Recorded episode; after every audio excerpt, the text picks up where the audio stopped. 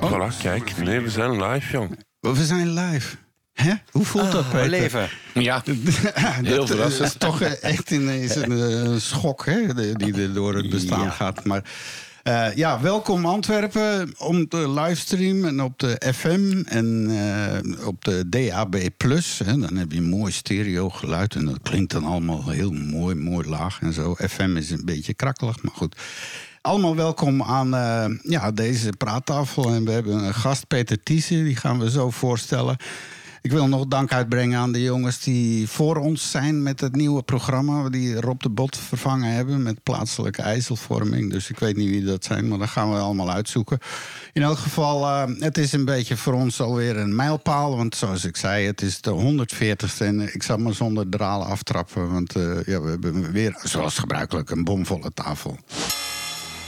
Welkom centralisten, alle streamers, trolls in de chatroom en onze podcastfans. Het is 18 juli 2023 in het corona-scene en dit wordt de 140ste aflevering van de Praattafel. Radio Centraal presenteert de praattafel. Uw afspraak voor een goed gesprek. Het is van Mario en uw Zeker weten, ik ben Istvan Leel Ussi. Ik bevind me in Oud-Berchem aangehecht aan de stad Antwerpen. En vandaag wordt een hele mooie dag die wij weer in de kelder beginnen. Eh, Ik zou zeggen, welkom namens mij. En vanuit Rotterdam ben ik er ook weer, Mario Reget. Het zonnetje schijnt, er is markt en eh, het, het kan eigenlijk niet beter. Ik heb er zin in. Ja, en uw favoriete Chris is er ook weer vanuit Antwerpen. Ik zie op mijn scherm staan, het is 19 graden en deels zonnig, een beetje gelijk mijn karakter. Dus allemaal welkom en we vliegen er gewoon in, is het van? Zeker weten. En eh, we hebben een gast aan tafel, Peter Thiessen. Eh, die ga ik zo meteen voorstellen wat hij allemaal doet. Het is een duizendpoot, maar wel met letteren vooral. Hè. Je doet geen verbouwingen of veruilingen of zo. Nee, ik heb twee linkse handen waar ik dan heel veel mee typ. Ja. Alright. Hey, eh, onze chatroom is open. Zoals je weet is een interactief programma. Je kan via onze chatroom meedoen als je vragen hebt of opmerkingen over wat je hoort of eh, dingen enzovoort. En uiteraard om 12 uur speciaal onze gigantische quiz van onze Chris. Een trivia bad waar je zoveel dingen weer uit kan bovenhalen bij het volgende waterkoelergesprek op je werk of op school of waar dan ook in elk geval. Dat is om 12 uur. Dus kom alle naar praattafel.be schuine streep chat of druk op de rode knop op onze website praattafel.be en dan kom je in de room bij ons en eh, we verwelkomen we je vandaag. En vandaag, eh, eh, er is iets met vandaag volgens mij, Chris. Is het zo? Ja, het is de 18e juli, kun je het al geloven, is het van? Ja, we zijn weer over de helft van de helft van de maand. Het gaat echt heel snel wel. Ja, en het zijn leuke getallen. Ik weet dat jij van leuke getallen houdt, want Ja. het is namelijk de 199ste dag van het jaar. En we hebben nog 166 dagen te gaan tot Oei, het oei, einde. oei. Dan kunnen we het. Ja, zo is dat. Maar er is inderdaad ook van alles gebeurd eh, op die dag in het verleden. Bijvoorbeeld in 1925, over schrijvers gesproken. In Duitsland verschijnt Adolf Hitlers Mein Kampf. Ja, dat was ook op deze dag. En in 1936 eh, de staatsgreep van generalissimo Franco tegen de twee Spaanse republieken begint van het Spaanse burgeroorlog. Die leidt tot een 40-jarige dictatuur. Ja. Ook heel spannend. In 68, mijn geboortejaar, is de Intel Cooperation gestart. Dus misschien ben ik wel, zit er in mij wel een Intel-processor. Dat zou veel verklaren, denk ik. In nou, 2012. Ja, als een oude Intel-ding. Ja. zo. In 2012, vijf jaar nadat Roemenië en Bulgarije lid zijn geworden van de UE, het is Europa, concludeerde Europe- de Europese Commissie dat ze het nooit hadden mogen doen. Ja, ook belangrijk. In 1991 in Luik wordt de Belgische oud-minister André Koos op straat doodgeschoten. Dat is een van de enige ministers die ze hebben doodgeschoten in, in België. Eh, maar vandaag is het dus de Internationale Mandela-dag. Het gebeurt ook niet vaak dat een persoon eh, een dag krijgt. Eh, maar Nelson Mandela is ja, 67 jaar lang heeft hij voor gelijkheid van Zwart-Afrika gestreden en leefde daarmee een on- onmiskenbaar belangrijke bijdrage aan het bestrijden van racisme en discriminatie. En dat wordt dus eigenlijk vandaag eh, een beetje gevierd. Het is ehm, donderdag is het de internationale dag van het schaken. Dus dan moeten we allemaal ons schaakbord afstoffen en, en, en uit mijn spelen. jeugd. Dat we met schaak met Bobby Fischer. En die wedstrijden waren wereldnieuws toen. Met Boris Spassky. Ja. En daar op IJsland en Ja. zo. Dus Ja. waar is Ja. die tijd naartoe? Hè?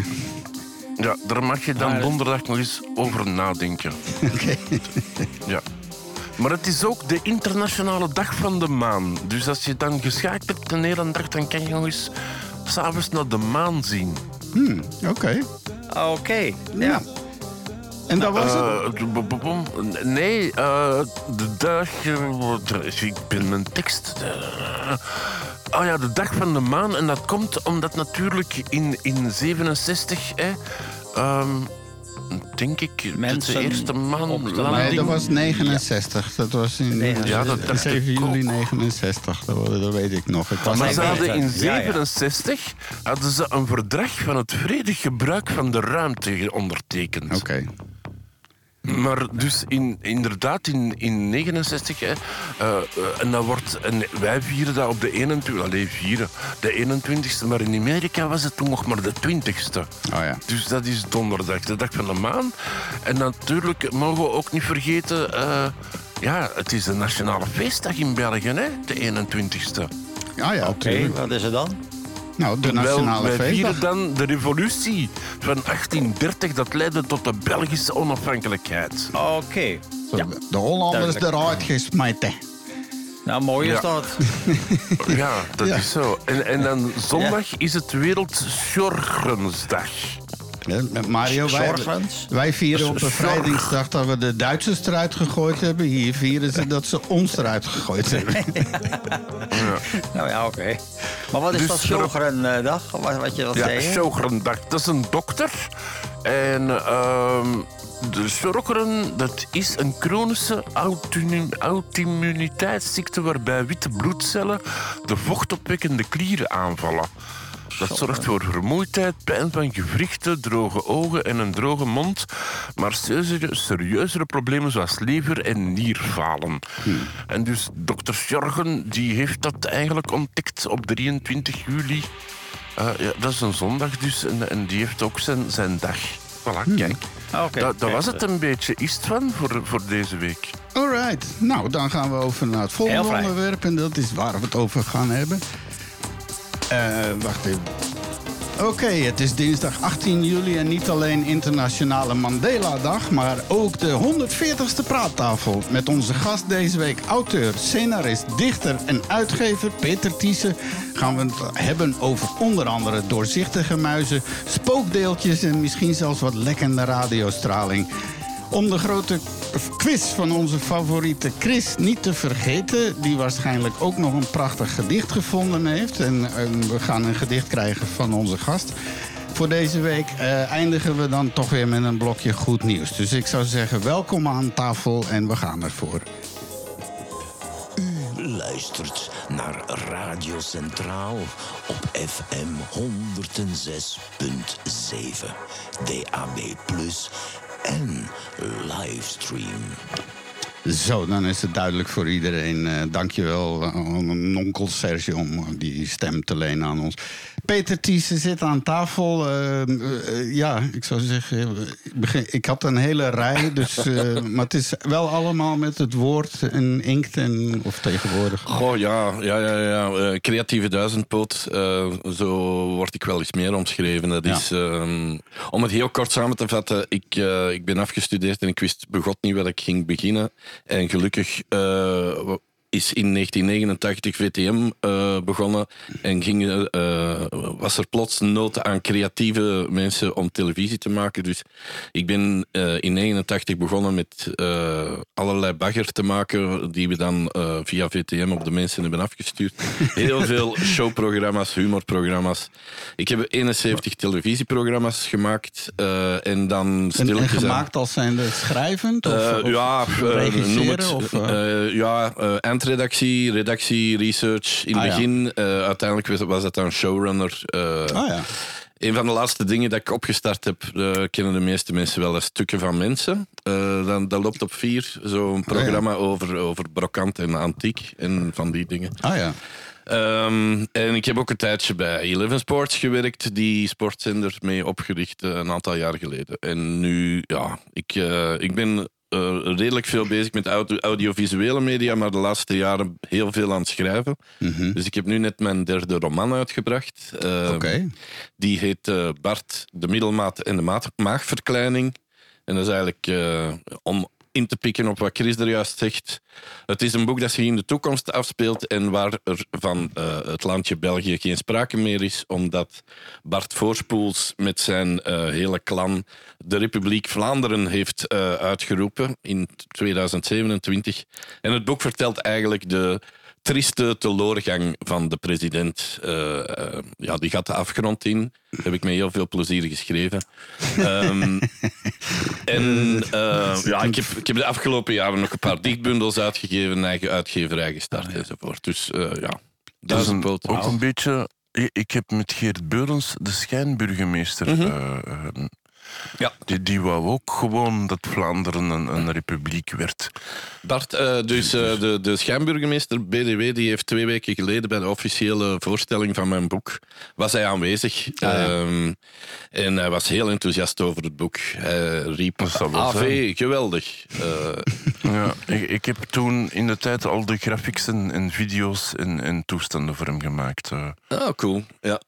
Ja, dat, was, eh, dat is heel leuk. En het, eh, ik kan niet zeggen dat het, eh, dat het er onmiddellijk op inpikt. Want ik vind wat Geert toe als schijnburgemeester vind ik fantastisch. En wat hij gedaan heeft. Ehm, Maar ehm, ja, mijn boek ik, is eigenlijk een combinatie van een beetje politieke satire. ehm, verweven met een, een, een, een misdaadverhaal eigenlijk. Ehm, en eigenlijk is het ook een beetje ma maatschappijkritisch. Ja, ja. Dat mogen we hier wel zeggen. Maar, maar jij hebt er wel we wat kunnen mee- het in elke boekenwinkel vinden. Nee, nee, omdat ik, eh, Ah. ja, ik ben een eigen uitgeverij gestart. Dus we verkopen via de webshop. eh, webshop sorry. Eh, online kun je het ook overal kopen natuurlijk. Maar ik weiger mee te werken eh, met de grote kolossen zoals CB en de standaard boekhandel. de ISBN toestand. Ja, die, ja, en en het- welke webshop moeten ze dan zijn om het te kunnen het lezen? streepje vervolg.be. Dus de uitgeverij is het vervolg. Ja, we Maar als de mensen mij, mij gewoon mijn, mijn naam googlen, dan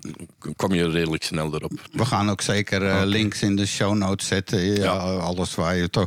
Maar eh, wat ik zeg wou, je hebt wel een traditie met een beetje satire. Want je hebt Ja. me ooit eens verteld dat je ook een website gehad hebt met zo eh. The, The Onion-achtig. Ja, eh, eigenlijk de, de, de Vlaamse versie van The Onion. eh, Clinton was de naam. En dat is ondertussen goh, 13 jaar geleden. Ja. En dat is, dat is een van mijn persoonlijke problemen. Ik ben altijd te vroeg met mijn ideeën. In de zin dat op het moment dat ik de satirische website opstartte, dat er van de so- social media eigenlijk nog geen sprake was. Dus wij, wij zijn gestart voor de, de andere sa- satirische sites zoals De Speld. ja. eh, de, de, de, iets van Dumpert ja, in. Nederland Dumpert. eh, er zijn er wel meer eh, daarna gekomen, maar die zijn vooral dan populair via hun so- social media.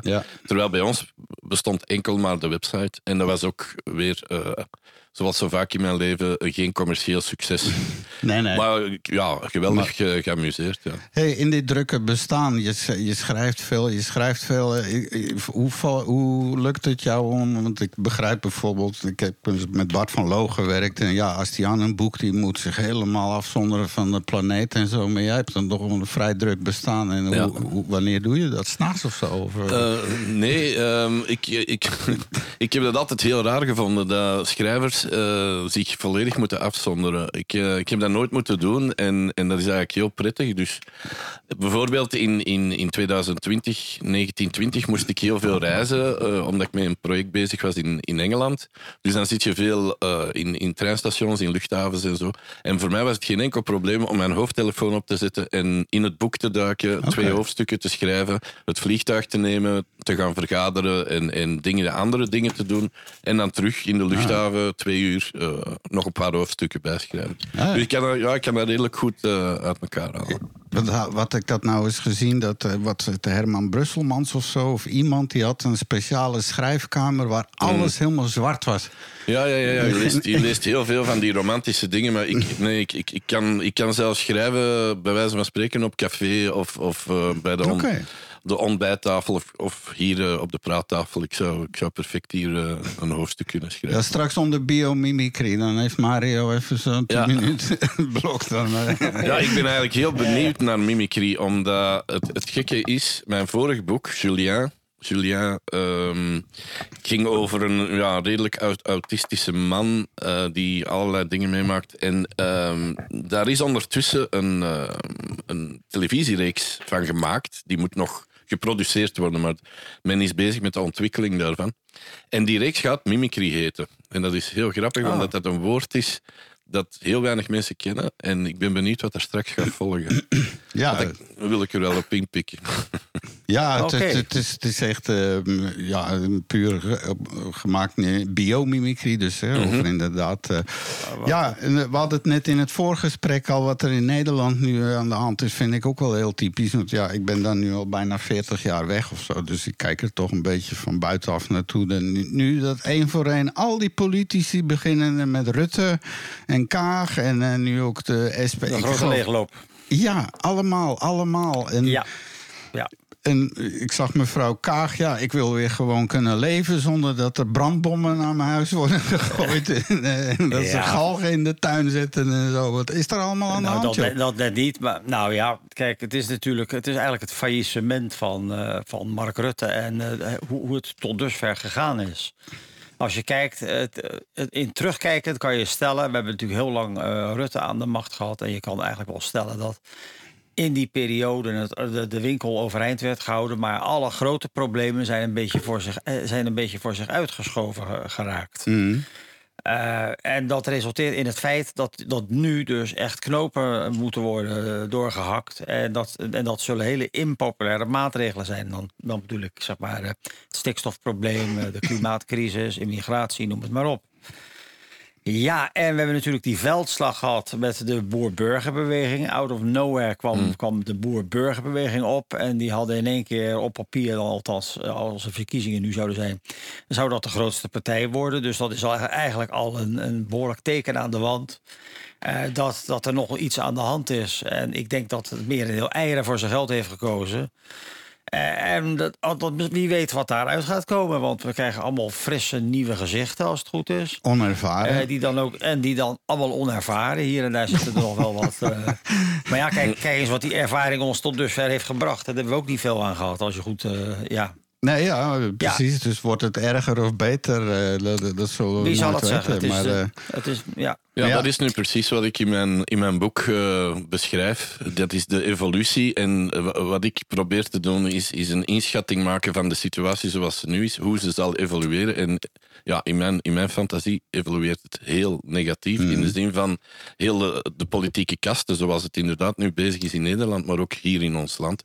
De traditionele politieke kasten stort in elkaar en er blijft eigenlijk Zeker. niks over. En in mijn boek, wat er dan gebeurt, is dat er een soort nieuwe coalitie wordt gesloten.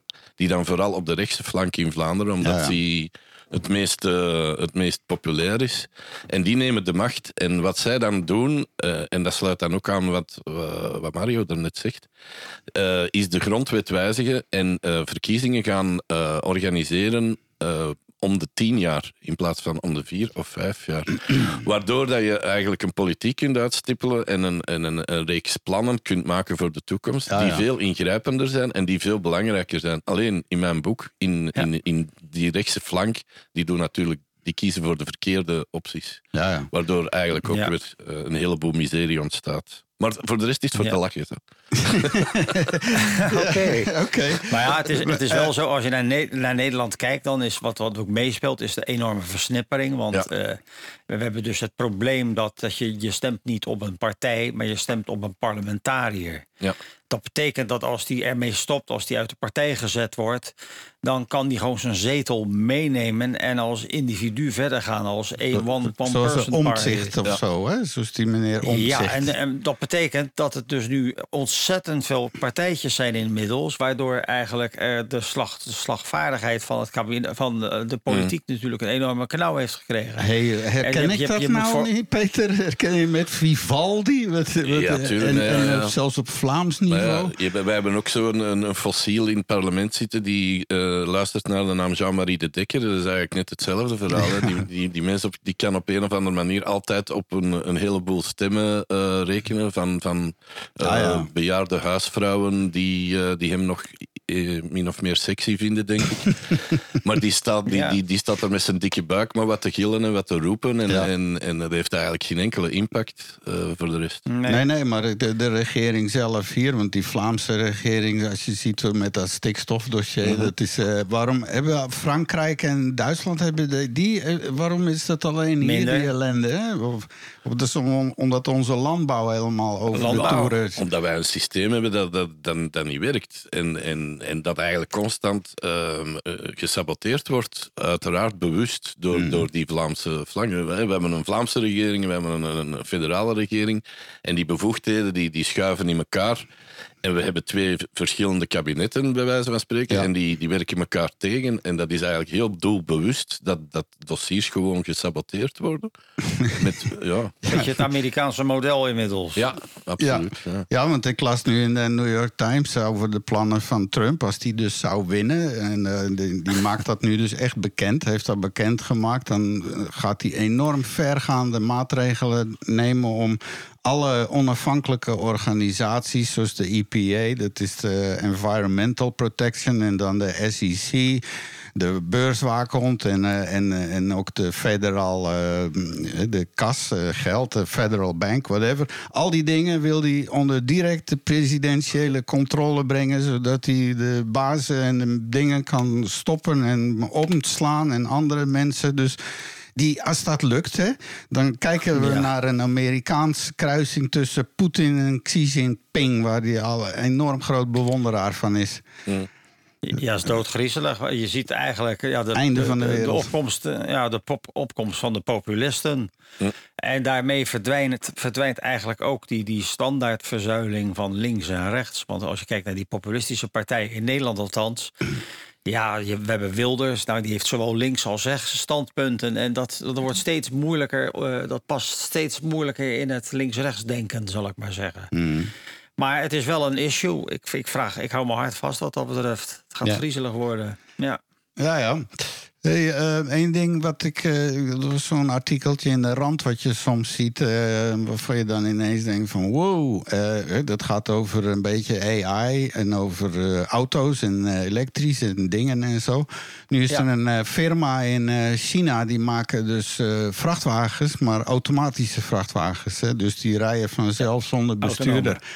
En ze hebben nu 24 miljoen eh, miles, dus een dikke 35 Ja. miljoen kilometer afgelegd met die dingen. En er eh, helemaal Ja, accident-free. En je gaat hier dus beleven dat zo'n vrachtwagen 24 uur kan blijven rijden. Want er zijn Ja. geen rij- en rusttijden en zo. Ja. Dus dit wordt een Nee. economisch must-model enzovoort. Met aparte rij- rijstroken. Hè. Dat is, die, die, die, die plannen zijn ook hier in Europa al, eh, al zijn ze aan het ontwikkelen. Hè. Ja, dus, eh, dus ik zou zeggen, als je nu nog een eh, opleiding gaat doen voor vrachtwagenchauffeur, doe iets anders. Ja, nou sterker Nou. nog, als je dus kijkt naar dat artikel in China, dan in de, dat, is, dat zijn die Inceptio vrachtwagens. Ze zeggen dat er ook geen enkel eh, probleem mee is geweest. Nee. Dat er geen aanrijding geweest. Zeggen ze. Mhm. Zeggen ze. We praten over China, hè? Ja, oké, eh, daar weet ik wel. Maar eh, oké, maar het zit eraan te komen. Dit is gewoon een, Ja, een zeker, ontwikkeling. zeker. En met name voor vrachtvervoer. Want eh, het is toch heel absurd als je gewoon de snelweg opgaat eigenlijk. Van wat er allemaal... Dat is één Ja. onaf... Dat is too much gewoon, too much. Hè? Maar als, ja, eh, homo consumentalis. hè. We- we- wij moeten kopen en gebruiken. Helaas, het is zo. Uh, Chris, je, je, je, je hebt me er straks verteld dat je een opleiding wou gaan volgen ehm, om, om eh, literair schrijver Literair te worden. schrijver. Ja, ja. Ja, maar inderdaad. misschien kan je toch beter nog voorlopig vracht, vrachtwagenchauffeur doen dan. eh, want eh, met de AI ehm, denk ik dat er als literair schrijver ook niet heel veel toekomst is. De, er zijn al grote, voor, allee, grote, er zijn al voorbeelden genoeg wereldwijd van boeken die zijn Ja, uitgegeven. maar jij die- bent televisiemaker. Ja. ChatGTP kan tegenwoordig ook video's maken. Dus Ja, eigenlijk absoluut, daar zit ook ja. niet veel toekomst in. We zijn ten dode Ja. opgeschreven. Ja, Maar dus ook, eh, ook als een soort dobbelsteen om ideeën te genereren voor programma's. Maak eens iets over eh, mayonaise, boterhamzakjes en Cadillacs. Nou, Ik zal, eh, ik zal, ik zal een bekentenis Ja. doen. In mijn, in mijn laatste roman heb ik eh, gebruik gemaakt van ChatGPT. Ja, ja. ja. Ja, ja. Ja, ik, ik geef een voorbeeld. Hè. Op een bepaald moment gaat ehm, Bart Voorspoels in, eh, naar Koblenz, eh, waar hij ooit nog lederhozen heeft gekregen van een, een onkel, maar dat doet er niet toe. Ehm, en ehm, dan komt er een beschrijving in het boek eh, over de, het centrum van Koblenz met een aantal belangrijke gebouwen, bla bla bla. En dat kan je gewoon aan ChatGPT vragen. Hè. Dan, zeg, dan zeg je gewoon, geef mij een, een mooie romantische beschrijving van het centrum van Koblenz. Dus dan, eh, Ja. dat zijn twee bladzijden die ik eigenlijk los uit de computer heb getrokken. ja, ja. Oké. Maar ja, ik stel me nu een vraag met ChatGTP. Dus ChatGTP genereert teksten uit boeken die hij in zijn database heeft. Ja. Maar als, al, al- als alle boeken op den duur van ChatGTP komen, dan genereert hij eh, in de toekomst boeken over zichzelf. Ja. Lo- Loopt dat dan niet ergens vast? Dat, dat denk ik dan. Eh, Maar ook van zien. blogs, hè? Ja, er wordt heel Ja. veel van blogs afgehaald, ook van mensen. Ja, maar die gebruiken ook ChatGTP. Dus, dus op een duur is het ChatGTP die zichzelf genereert. Dan krijgen we Ja. elke dag hetzelfde te lezen. Ja. Ja. Nou, het is wel interessant, want als je kijkt inderdaad met ChatGPT, het, het begint door te druppelen in de samenleving. Neem de stakingen in Amerika onder acteurs Ja. en, eh, en, en schrijvers. Ja, ook acteurs die zien zich natuurlijk steeds uiteindelijk. waarom zou je nog een Schwarzenegger eh, huren als je dat gewoon helemaal eh, zeg maar zelf kan doen met, chat- met AI? En dat gaat interessant worden. Dus heel veel beroepen zullen gaan verdwijnen. Ja. Het, en het is frustrerend als je acteurs bent. Dat lijkt een beetje op eh, die, eh, zeg maar de, de samples die nu gebruikt worden in grote producties bij films. Die, die symfonische orkesten, dat zijn allemaal nep-orkesten. Tenminste, dat, zijn, allemaal- dat is allemaal... die libraries, Dat zijn allemaal plugins. Dus er zijn professionele eh, violisten die dus hun hele eh, instrument aan het insamplen zijn... om vervolgens geautomatiseerd te moeten verdwijnen. Ja, nou ja, maar dat gebeurt. Hè. Er zijn nu, eh, ik heb die Sound on Sound en zo. En daar staan iedere maand eh, reviews in van die nieuwe libraries die uitkomen. En dat zijn soms kosten die 2.000, 3.000 euro. Maar ja, dan Ja, moet je als ze. componist ook wel exact weten hoe je daarmee om moet gaan natuurlijk. Maar Ja, zeker. eh, Ik heb die plugins. Niet iedereen kan naar eh. Tsjechië om daar drie dagen met een orkest te zitten knoeien, weet je wel. Dat is, Nee. dat is het probleem. Nee, nee. Dus het het lijkt me is ook toch- frustrerend. Hè?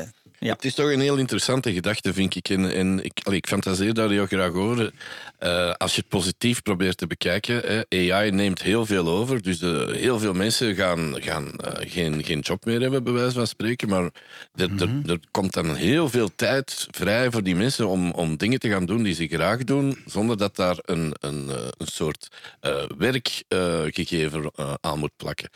Dus in de Ja. zin van, van eigenlijk wordt de mens meer en meer vrij. Dus als ons toekomstsysteem eruit, eruit bestaat dat alle mensen vrij zijn en niet verplicht zijn om een job te zoeken, om, om hun boterham te verdienen, ja, dan, eh, dan staat er heel veel open. Hè? Ja, maar dat moet dan samenhangen met die global income of zo. Ja, hè? De absoluut. universal income. dat ja. iedereen krijgt eh, 2000 Ja. euro per maand eh, vanaf dat hij geboren wordt. Ja. En zoek het maar uit. Ja, wel, maar dat vind ik interessant ja. om over na te denken, want ik denk dat we daar allee, Zeker. binnen, binnen 30, 40, 50 jaar dat we daar wel zijn. Zo.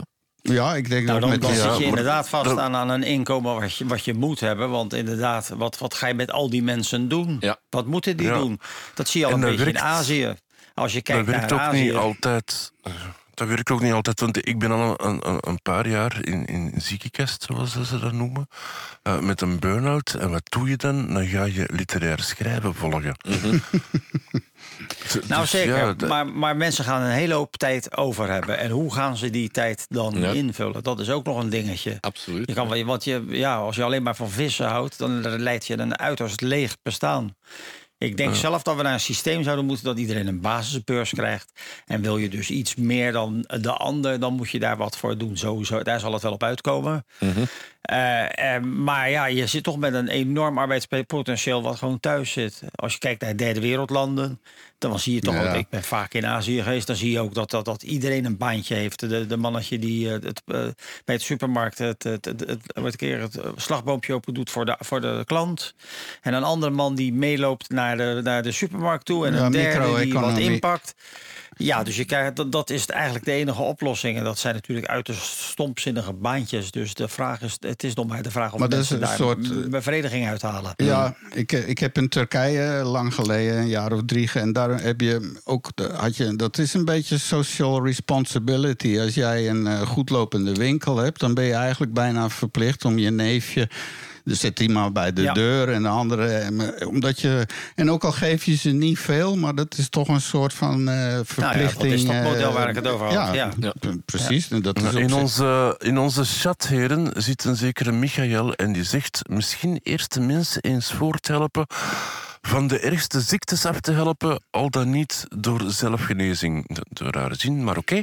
Maar, maar zelfs AI doet dat ook blijkbaar. Die is nu ook eh, eh, ziektes aan het opsporen, Eh, had ik ja. ergens gelezen. Ja, zeker. Ja, we hebben hier zelfs daar een artikeltje over gevonden. Oh, dat komt straks nog in het blokje wetenschap Ah, ja. helemaal aan het Dus eind. Michael, je moet nog even wachten, joh. En Ja, dan krijg je ja, ja. daar een antwoord op. Maar zoals je ziet, mensen, je kan interactief met ons eh, communiceren. Ga naar praattafel.be, chat en je komt bij ons Ja. in de room. En ook met Michael en nog anderen. En dat zijn heel boeiende gesprekken. Soms zelfs bijna boeiender dan het gesprek wat je hier hoort. En eh, ja, om nu de, de verwachting wat eh, in te lossen. Want ja, Peter zit hier al dringend te wachten. Wat wordt dat met die biomimicry? Zou ik maar voorstellen om deze nu maar af te trappen. Dus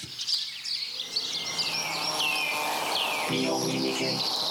Wat we kunnen leren van de natuur.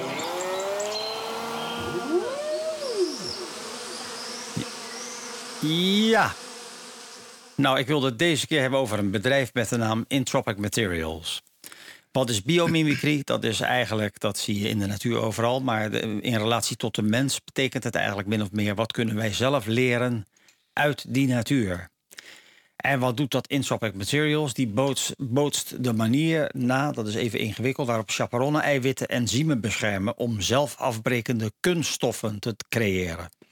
Dat is een heel ingewikkeld verhaal, ga ik zo maar dat uitleggen. laatste stukje klinkt heel boeiend. Zelf afbrekende. Ja. Ja.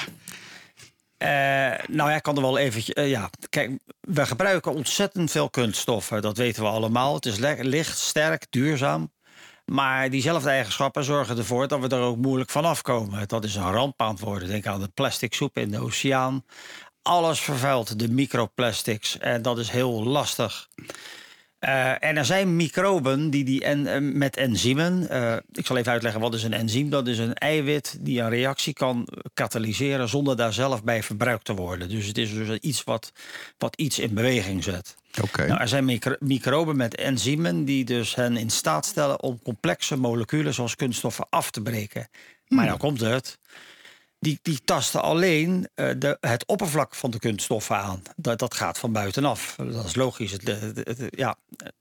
De polymeerketens, dus die slierten van, dat zijn slierten van dezelfde moleculen die in dat plastic zitten. Anders noem je het een monomer als het, als het los is. Die zitten zo strak tegen elkaar gebonden dat er maar een paar bindingen worden blootgesteld voor die enzymen om ze te bereiken. Het gaat langzaam dus. Eh, en het zou fantastisch zijn als je natuurlijke enzymen rechtstreeks aan kunststoffen zou kunnen toevoegen om ze te helpen, helpen af te breken wanneer de tijd daar is. Die zijn er al, maar de hoge hitte en het druk van het productieproces kunnen die gevoelige enzymen beschadigen voordat ze kunnen werken. Dat gaat dus niet werken. Nee, nee. Dat is lastig. En wat doet Intropic Materials nou? Die maken een enzymatische, ik, dat is dat enzym weer, dat een reactie katalyseert zonder er zelf opgebruikt te worden. Die maken een enzymatische inbedding in kunststof mogelijk. Door enzymen te begeleiden tijdens het productieproces. En ze in een soort biologisch afbreekbaar moleculair omhulsel te doen. En dat is, zijn die chaperone-eiwitten. Een beetje een ingewikkeld verhaal. Maar wat gebeurt er dan? Die hoesjes die voorkomen dat die enzymen breken wanneer het plastic gesmolten wordt en geëxtrudeerd wordt om er weet ik veel wat van te maken, weet ik wel. Maar ze voorkomen niet dat de enzymen hun werk doen wanneer de levensduur van het plastic is afgelopen. Dus dat betekent dat als dat plastic eh, wordt blootgesteld aan composteringsomstandigheden met voldoende warmte en vocht, vreten dus die specifieke enzymen het plastic binnen enkele uren of dagen eff- effectief van binnenuit op. De, dus het is dus niet die buitenkant met wat wat inwerkt. Nee, het materiaal zelf eh, lost dus als het ware op. En het mooie is, die moleculen kunnen ook weer teruggewonnen worden. Hergebruikt om nieuwe kunststoffen van te maken. Eh, en ze kunnen ook verder worden afgebroken door natuurlijke microben. Wat dus het, residu wat je overhoudt in de bodem tijdens, of tijdens de waterzuivering. Zuivering. Dus eigenlijk is dat ontzettend, een ontzettend spannend gebeuren. Als dit gaat lukken, ja, dan, eh, dan, dan eh, hebben- heeft de mensheid daar een, een stuk minder problemen met, met, die, eh, die kunst, met die kunststof en dat plastic gedoe, waar we er nu dus zo'n enorme last van hebben. En eh, hoe hoog staan Dus, de eh, aandelen van die... eh, Ik wil dat ook. Nou, ja, nou ja, ze, ze zijn wel eh, eh, ook weer, ze hebben ook weer een, een, eh, de nodige eh, benoemingen in, in allerlei prijzen die eraan zitten te komen. Het is een heel veelbelovend bedrijf. Ze zijn nog niet beursgenoteerd, maar er wordt wel veel geld in gedouwd. Dat weet ik wel.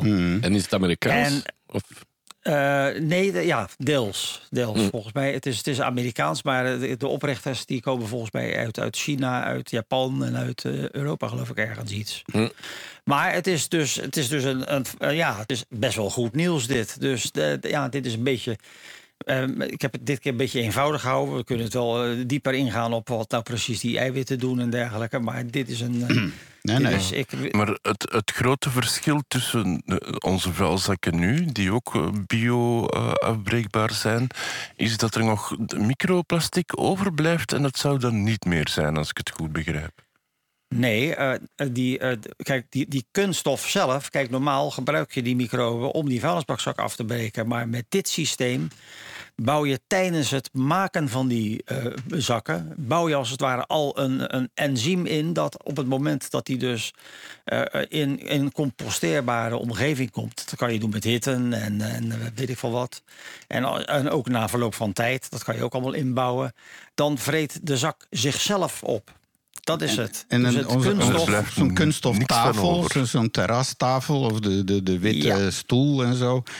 Dus die, eh, die kan je dan gewoon eh, in een soort compostbak steken en dan verdwijnt dat gewoon of zo. Juist. En, en de, de moleculen die eh, kunnen ook worden, die, die, die dan toch vrijkomen, die kunnen ook worden teruggewonnen en hergebruikt om nieuwe kunststoffen te maken. En eh, wat je dan uiteindelijk helemaal overhoudt, dat wordt afgebroken door natuurlijke microben in de bodem. Dus dan is het gewoon geen plastic meer, maar dan zijn het gewoon weer losse moleculen, zoals eigenlijk alles. eh, dat zou dus betekenen dat, dat dit wel een enorm groot iets zou kunnen gaan worden in de toekomst. Alleen moet er wel bij zeggen dat het is, dit, dit, is een, eh, dit zijn proefopstellingen. En je zeg maar, dit op grote schaal eh, kan inzetten, dat gaat nog wel weer een, een tijd duren natuurlijk. Maar dit is wel heel hoopvol voor de toekomst. Nou, Dus dat was een beetje mijn, mijn verhaaltje over eh, biomimicry. zo. Eh, Is ik vind het fantastisch. Ja, met fantastisch nieuws eigenlijk. Hè? Ja. Ja, zeker. zeker. Ik, vind het ook wel eh, spannend inderdaad. Ja, Ja. Ja, want dat ze- zijn Zou het dingen. be- beter zijn dat we gewoon geen plastic meer gebruiken? Allee, dat is maar een vraag. Eh, dat kan, dat doen, ze, dat doen ze ook volgens mij in Afghanistan. Maar dan wordt het leven toch wel een stuk simpeler. Want in alles zit plastic. ja. Ja, Ja, dat is tegenwoordig niet meer weg te denken op geen enkele manier. eh, De hoeveelheid die er gemaakt wordt ook, dat is absurd eh, fijn. We krijgen er geen genoeg van. Eh, er was nog een beetje bio-nieuws eigenlijk. Eh, Kom nou met een, do- een doorzichtige muis. Een, een transparante politicus, dat is één ding. Maar een transparante muis? ja, dat is toch wel heel bijzonder. Eh, want je, wat, wat doen ze dan? Je kan dus een dode muis, daar moet ik er wel even bij zeggen, want dat mensen niet denken dat, dat, dat ze ineens een transparante Oh. muizenplaag hebben. Eh, maar goed ook. Eh, maar je kan dus, ze kunnen wel dus die, een, ze hebben een methode om het lichaam transparant te maken. Dat doen ze met, door met alle vetten en, het, en alle pigmenten te verwijderen via een chemisch proces. En als je, dat, als je dat maar heel zorgvuldig doet, dan ziet het er uiteindelijk uit als een soort doorzichtige muis. Een, een glasmodel zou je kunnen zeggen. Dan, En eh, wat, zoals wat die dan aan? mensen, die- hoe heet die tentoonstelling met al die lijken? Ja, van Peter Volhagen. eh je bedoelt Ja. eh, Body World. Moet ik aan nee, dat zoiets denken? Nee, dat is plastinatie. Daar, Ah. daar zijn gewoon, eh, daar zijn de vetten, daar zijn, eh, ja, de- dus alles wat vroeger, het- de vaatsystemen zijn dan gevuld met, een- met, met een kunststof, dat Oké. plastinatieproces. Maar dit, dit wordt echt volledig transparant. En wat heb je daar dan aan? Kankertumoren, die kan, die kan je dan zien als ze net zijn ontstaan. Want die missen we nu. Want als je, als dus, als je dus nu kanker hebt, dan krijg je MRI en PET-scans. Maar die laten alleen vrij grote tumoren zien. En dat is lastig, want die piepkleine tu- tumoren op bijna celniveau... eh, die zorgen ervoor dat uiteindelijk eh, bij heel wat mensen... uiteindelijk de kanker weer kan beginnen. Want die mis je. En Ja, en het is toch een eh, kanker is gewoon een op hol geslagen celdeling. En bij deze methode kan je die dus onderzoek doen naar, omdat je het nu voor het eerst kan zien, je kan onderzoek doen naar die start van die kleine tumoren. En, en dat is wat deze techniek zo ongelooflijk interessant maakt. Eh, nieuwe inzichten. Ja, Kun je het is dat ook fantastisch bij voor mensen? ons. Kun je ook Eh, als- een mens doorzichtig maken dan? Als, je, als die dood is, zeker. Ja hoor, dat kan. Wie weet is dat ook Ah, dat mogelijk. Dat je, ja, je moet wel dood zijn, anders word je er niet blij van. Maar je kan Ah, dan ja, inderdaad, je, je, je, je- ja, in plaats van je moeder, je schoonmoeder laat je dus dan eh, niet begraven, maar die laat je dan zeg maar eh, die maakt, het eh, doorzichtig en dan kan je het vermoedelijk ingieten of zo in, in eh, weet ik veel wat. Er zijn zat mogelijkheden. Of of een stukje ervan, of een hand ervan enzovoort. Hey, eh, ja, Ja. nogmaals, lieve mensen, kom naar de chatroom, want het is over 20 minuten begint de, Chris, eh, de Yep. quiz van onze favoriete Chris. En na afloop wordt die ook uw favoriete Chris. Eh, Absoluut. Ik, ik was net nog één in het nieuwsblokje één ding vergeten. Wat we toch even, want je had het in het voorgesprek daar ook over. Over afkeurend kijken. Want eh, nu, nu eh, was er een van onze redacteurs had een ber- berichtje opgedoken. Een minister in Hongkong vraagt Hongkongers om afkeurend te staren naar rokers. En eh, dus- Dat werkt wel. Wa- Want ik had ooit een vriendin. Ja. Ik, ik heb wel meerdere vriendinnen gehad, maar die bepaalde vriendin, die, die had twee kindjes en die waren allemaal tegen roken. En, en als ik dan gi- ging roken, dan, dan stond ik in de tuin, die gelukkig groot genoeg was. En, en dan stonden die aan het raam afkeurend te kijken. En, en dat doet wel iets. Nu moet ik eerlijk toegeven, Ja. ik rook nog steeds. Ik, ik heb gewoon Maar de kindjes minder. en de vrouw eh, afkeurend weggedaan. Nou, Eh, dat klinkt maar wel- maar het, ja, het, het werkt Nee. wel, dat wou ik zeggen. Oké, nou dit, dit klinkt pro- positief dat je, dat je met staren, zeg maar. eh, maar ik denk dat dat heel lokaal werkt. In, in, in, eh, zeg maar, in België dan met name. Doe je dat in, in Nederland, in Rotterdam, heb je een goede kans dat je woning wordt opgeblazen. Ja. ja, ja, ja, dat is wel heel anders. eh, de China. Maar, maar het, Ja. het- het- ik vind het wel wat je vertelde met die kinderen. Het is wel een film noir, een heel filmisch beeld krijg je ja. ineens bij. Absoluut, absoluut. Ik ben zelf zeven jaar... eh. Ik ben zelf zeven jaar gestopt met roken en ik ben eh, sinds kort terug begonnen omdat ik die afkeurende blikken echt miste. Dus, ja. dus het is terug goed. Ja, Het is zo een beetje die, die film, dat was zo'n film waar dat iedereen wordt, de alien wordt gemaakt. En als je er dan als mens loopt, dan beginnen die ook allemaal te kijken zo naar jou en te wijzen. Hoe noemt die? Cocoon is het? Ik weet niet hoe dat cocoon is. Dus, dus dat, eigenlijk werkt dat wel op zich, eh, denk ik. Maar goh, de- de- met de wokers moet dat zeker werken, denk ik, tegenwoordig. ja, Ja, want, dat zeggen. ja, want een ander dingetje wat me opviel. Ik zag nog een artikel eh, over de kava-plant. Dat is K-A-V-A-plant. dat wordt al eh, eeuwenlang gebruikt in eh, traditionele medicijnen. eh, en dan met name in de Pacific en zo rondom. De, en dan lees ik dus weer. En ik heb al eerder die theorie eens aangehaald dat eigenlijk elke stam, maar zoals wij met alcohol en wiet, maar zelfs in Nieuw-Guinea, elke stam, overal waar ze vinden, zijn mensen bezig met van hoe, hoe eh, word ik high. En hier las ik dan across the island. Dus eh, across the islands of the Pacific, the root was stirred in water and drank for its subtle euphoric but also sedative properties. Dus dat is een eh, wortel van de kava-plant. En dan maken ze dan eh, in water een drankje van. En je wordt er euforisch en sedatief. Zelfs, zelfs in de Pacific en al duizend jaar lang. Nou, Dus, dat, eh, dat- dat- dat verbaast me niets, want als je kijkt, dat zie je eigenlijk eh, overal. Eh, de eh, genotsmiddelen die horen bij Homo sapiens, maar niet alleen bij Homo sapiens. Iedereen kent die beelden wel van een, een, een zootje bezo- doorgezakte, bezopen apen... die zeg maar gistend fruit naar binnen hebben gewerkt. En dat wordt ook een feestje. Dus dat zijn genotsmiddelen. En ik begrijp wel, het is natuurlijk fijn om even pauze te kunnen nemen... eh, even vakantie te kunnen nemen van de sores van het dagelijks leven. dus ik begrijp het wel. Ja. Goede business. Dus de kava-plant, ik weet het niet, maar het is een beetje, eh, je wordt er blij, maar ook tegelijkertijd rustig van. En Dat waar is- kan je hem kopen? Staat dat erbij? We gaan eens Ja. online eh, op de Ja. In dark web. Amsterdam. In Amsterdam heb je heel veel winkels, daar kan je Ja, zomaar ja, ja. kopen. Alrighty. Eh, we schuiven door.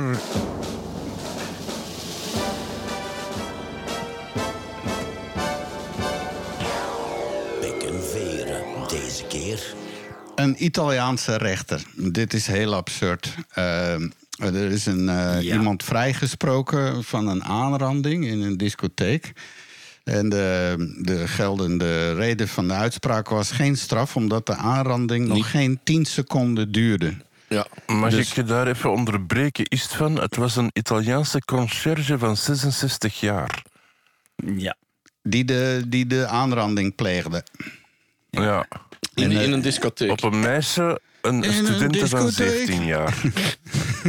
ja, ik denk dat Wat het op doet een school was, maar ja. 66-jarige conciërge in een discotheek, vraag ik mij dan af. Maar eh, toen. Nee, eh, volgens ja, mij was het niet in een discotheek, maar in een school. Want het was een Ah, oké. 17-jarige student. Dus ik vermoed dat het in een school was. mm, ja, dat is een heel bizar verhaal dit. En die rechter die, die dit dan heeft uitgesproken... ik hoop wel echt dat hij eh, bij de tandarts in de stoel ligt... en dat eh, zeg maar die vrouwelijke tandarts denkt... nou, die 10 seconden, daar gaan we, ga ik een feestje van maken. Ja. Ik zal eens even checken van hoe lang dat duurt. 10 seconden. Dus stel dat ik nu een dame vastgrijp. eh, even kijken, ik grijp nog steeds. Nu drie, oh, lekker grijpen zeg. Wauw, kan ik nog steeds grijpen? Ja, ik ben nog wettelijk in orde. Wacht even, nu moet ik stoppen. Dat is 9 seconden. Dus als ik dan stop, zo lang... eh, En dan, ja, dat is toch heel absurd Als vrijgezel zie ik daar wel iets in zitten, eerlijk gezegd. Maar ja, misschien de vrouw niet. Nee, ik denk dat je ook een goede kans krijgt om een lel voor je... Hè? Maar dit is, In dit 10 is seconden. Ja. 10 seconden. Dit is, ja, dus dat zet de deur open voor iedereen om 8 seconden lang zijn ding te doen. Ik weet niet of dat dit overeind gaat blijven, want dus wereldwijd is het viraal gegaan. En, eh, Uiteraard. ja, dat zeker weten. Ehm, hey, en dan nog eens, ik had eigenlijk terug willen spoelen naar een aflevering. Twee jaar geleden was er gewoon die grote waterbomramp hier in de, in de Ardennen en zo. En, eh, bijna 40 doden en zo. Dat was toch echt heel Oh ja. heftig. Ja. En eh, in, de, in de nabesleep daarvan had ik eens geroepen... nou, ik ben benieuwd, eh, ik, ik, ik heb zo'n idee... dat ik over twee, drie jaar eh, mensen op het journaal ga lopen zien... en van waar is het de hulp, waar is het geld, waar is het dingen... En lo en behold, eh, nu een artikel gelezen. Het Vlaams Rampenfonds betaalde na watersnood van 2021 nog geen euro uit. Niks. Wauw. Dus die mensen, ja, die zijn allemaal eh, afhankelijk van eh, privé en banken en verzekeraars tot nog toe. Maar, eh, maar ja, Het is, ik wil dat even eh, nuanceren, want volgens mij is, eh, zijn de mensen in Pepijnster en in eh, het, echt, allee, het, het rampgebied in, in Wallonië, zijn die redelijk snel vergoed geweest via de verzekeraars en ook via Ja. het noodfonds in Wallonië. En tegelijk waren er ook inderdaad overstromingen in, in Vlaanderen. En daar zou normaal het, het, het nationaal, allee, het Vlaamse noodfonds ingrijpt. En die mensen wachten nog altijd op hun geld. Ja. Dus het gaat niet over de mensen in Pepijn Ster en, eh, en het echt, allee, Ah, waar, waar het drama is gebeurd. Maar het zijn. Je hebt eh, vandaag een hele goede gast uitgekozen. Is het van? Ja, jij kan eh, een paar, 1, 2 dB'tjes van je microfoon afhalen. Ik, eh, ik kan de Ja, ik mengtafel heb je nu dat niet dus strak openen. gevraagd en je Ja. zegt, je klinkt fantastisch. Voilà, kijk, er zijn Ja. twee dB. Ja, oké, perfect. Ah, Oké, dat is. Eh, ja, je, maar je wordt dat gaandeweg niet enthousiaster. Je, je klinkt nu al wakkerder en alerter. En dan krijg je er een Ah, ja, paar dB het. bij. Dat is, dat is gewoon... Ik zal nog snel een joint rollen dan misschien, om, om wat tegen het gas te geven. Oh, van die kava-plant. Ja, dat kan. Ja, Ja, dat is ook, ja. Hetzelfde met werklust. Als ik dan af en toe zo'n aanval krijg... dan kan ik rustig een hoekje opzoeken. En meestal na een kwartier, dan stopt dat vanzelf. Dan, eh. Eh, Vlaams Rampenfonds is al een aantal jaren een Vlaamse bevoegdheid. Sinds 1 2014 moeten... eh, eh, op de- maar ja, ze hebben groot personeelsverloop en eh, veel te weinig volk enzovoort. Eh, iedereen heeft te weinig volk. Gevangenisbewaarders, scholen. En elke keer gaan ze maar weer mensen recruteren. Maar, maar waar halen ze die vandaan halen? Ze zijn er niet volgens mij. Nee? Nee, en ik, allee, het, het, het dramatische is dat er dan zoveel diensten zijn waar mensen eigenlijk niks doen eh, en, en die eigenlijk eh, acht uur aan hun bureau gaan zitten zonder enige eh, noemenswaardige activiteit te vervullen, terwijl dat er op andere diensten dan, waar het echt nodig is, mensen tekort zijn. Dus, Typisch Vlaanderen. Typisch Vlaanderen weer. Ja, typisch Nederland, typisch Vlaanderen. In Nederland zeggen ze typisch Nederlands weertje. En hier een typisch Vlaams weertje. Ja, over het weer ook. Hè. Het is even de grote olifant in de kamer waar eh, iedereen het over heeft nu. Het is, het is nu, nu weer eh, bosbranden zijn. Nu Zwitserland staat ook in de fik. Eh, Griekenland staat Ja. in de fik. Het wordt overal 50 Canada. graden. Ja. ja. maar in Nou ja, je- Amerika en, eh, en dan in het noorden van Amerika, in Vermont, zijn de mensen. En, en in Korea eh, verzopen in tunnels door in, in, eh, gigantische regens enzovoort. Dus is dit nu de begin van het einde waar, we, waar al die Ja. geitenwolle sokken, dreadlock wetenschappers jarenlang eh, altijd maar eh, Ja. geroepen van. Dit is het begin inderdaad. Ja. Het is onomkeerbaar, ben ik bang. Ja. En zou het nu wel eens in, eh, ineens, want er zijn ook van die modellen dat het nu ineens echt heel, heel rap gaat. Hè? Het is net als zo'n fluitketel als die eenmaal. Nou, dat zag je ook eh, gisteren op het nieuws. We zagen in Nederland weer de nodige wetenschappers die verbijsterd hebben geconstateerd dat alle modellen die ze hadden gemaakt over het wegsmelten van het ijs op Antarctica, dat, dat die allemaal eh, eh, volledig fout zijn, eh, omdat het nog veel rapper gaat dan dat men had, had, had gedacht. Inmiddels eh, is er weer een stukje los verdwenen van eh ter grootte van 45 keer Nederland. En ze zijn nu aan het kijken waar is dat gebleven. En zo is er iedere keer, eh, het, het, gaat, het versnelt gewoon. Dus we hebben echt een. En het, het, het, meest eh, zorgwekkende is wel het feit dat, dat het, het zeewater opwarmt. En dat is, eh, dat is heel erg griezelig, want dat is het begin van alles. Ja, in eh, Miami las ik gisteren dat het zeewater was eh 91 graden Fahrenheit. Dat is, dat is toch in de buurt van eh 30 graden. Ja, Het is, een, het is een warm bad. Het is heel absurd dat je in, in, in de zee springt en dat het bijna nog warmer is dan de. Hè, dus Ja, de dan moet je, oceaan. moet je doorkomen als je eruit gaat. Ja. ja, zeker weten. Hey, een, een, eh, schoonmaker vernielt 25 jaar aan wetenschappelijk onderzoek. Ja. omdat, omdat het gepiep van een vriezer hem irriteerde, schakelde een schoonmaker aan een universiteit in New York eh dat ding uit. Daardoor werden Ja. echter wetenschappelijke stalen onbruikbaar. Die werden gebruikt voor een onderzoek naar fotosynthese. Het alarm in de Ja. grote koelcel eh, is al sinds 2020 defect, maar medewerkers kunnen op een knop drukken om het geluid te dempen. En die boodschap was niet Ja. doorgekomen bij de, bij de arme man. Ja, vind ik wel een beetje een roepie-roepie verhaal. Want als je zo'n onderzoek doet, zo'n lang, dat noemen ze een cohortstudie, eh, dan ga je toch niet, eh, dan, eh, dan, dan ga, repareer je toch dat ding. En in plaats van dat je dan nu op een knop moet drukken als het, als het hele geluid maakt. Ik vind voor een lab, als dat echt een lab is, vind ik dat wel heel vreemd. Ja. het is ook zo. Het, het schoonmaakbedrijf heeft eh, de klacht gekregen en niet de schoonmaker Omdat ze ervan uitgingen, ze hebben de schoonmaker niet goed opgeleid. Dat hij dat niet wist. Dus ze hebben eigenlijk, waren ze kwaad op het schoonmaakbedrijf. Ja, en, en bij de Ja. schoonmaker zelf valt niks te halen. Want dat is waarschijnlijk een arme sloeber die daar voor eh, 8 Ja. dollar per uur moet Ja. werken. Maar dat bedrijf wel. Dus eh, hè, wh- where's the money? Ze willen nu 1 miljoen dollar natuurlijk. Ja, ik heb wel eens een, een soortgelijk verhaal, verhaal gehoord van, eh, van via een vriend van mij. die ook IT-onderhoud deed. En die is ook wel eens bij een bedrijf geweest. Met een, een Europees transportbedrijf. En eh, redelijk in paniek, want die hadden overal vrachtwagens in heel Europa. En, het, en de, de server lag plat. En dat bleek uiteindelijk. eh, dat was dus bij een receptioniste. eh, stond daar die server. En die had eh, dat ding uitgezet omdat ze zo pijn in de nek kreeg van de wind. Begrijp je hetzelfde verhaal? Dus dan, eh, dat is paniek. En eh, als je jezelf zo kwetsbaar opstelt, ja, dan vraag je er eigenlijk om. Het Ja. doet me een beetje denken ook aan die hilarische verhalen een paar weken geleden over die examens aan de Universiteit van Gent, waar er op korte tijd twee professoren die erin geslaagd waren om hun, eh, de examens van hun studenten kwijt te spelen. De ene is overvallen op de trein en de andere had zijn eh, examens op zijn bureau gelegd en de schoonmaakster had die eh, meegenomen, want die dacht dat het voor eh, het oud papier was. Dus dat was twee, twee keer dat er, ja, dat er studenten een examen hadden afgelegd dat niet kon gecorrigeerd worden. En ze hebben twee keer de, dezelfde oplossing gevonden. Ze, de, de, de studenten konden dan kiezen ofwel ehm, de cijfers van de paper die ze dan ervoor moesten schrijven voor hetzelfde vak, ofwel mochten ze het examen opnieuw doen. En ik denk dat 90 of 95 procent ervoor gekozen had om hun examen niet te doen. Dus die hebben eigenlijk hun punten Ja. gekregen zonder examen af te leggen.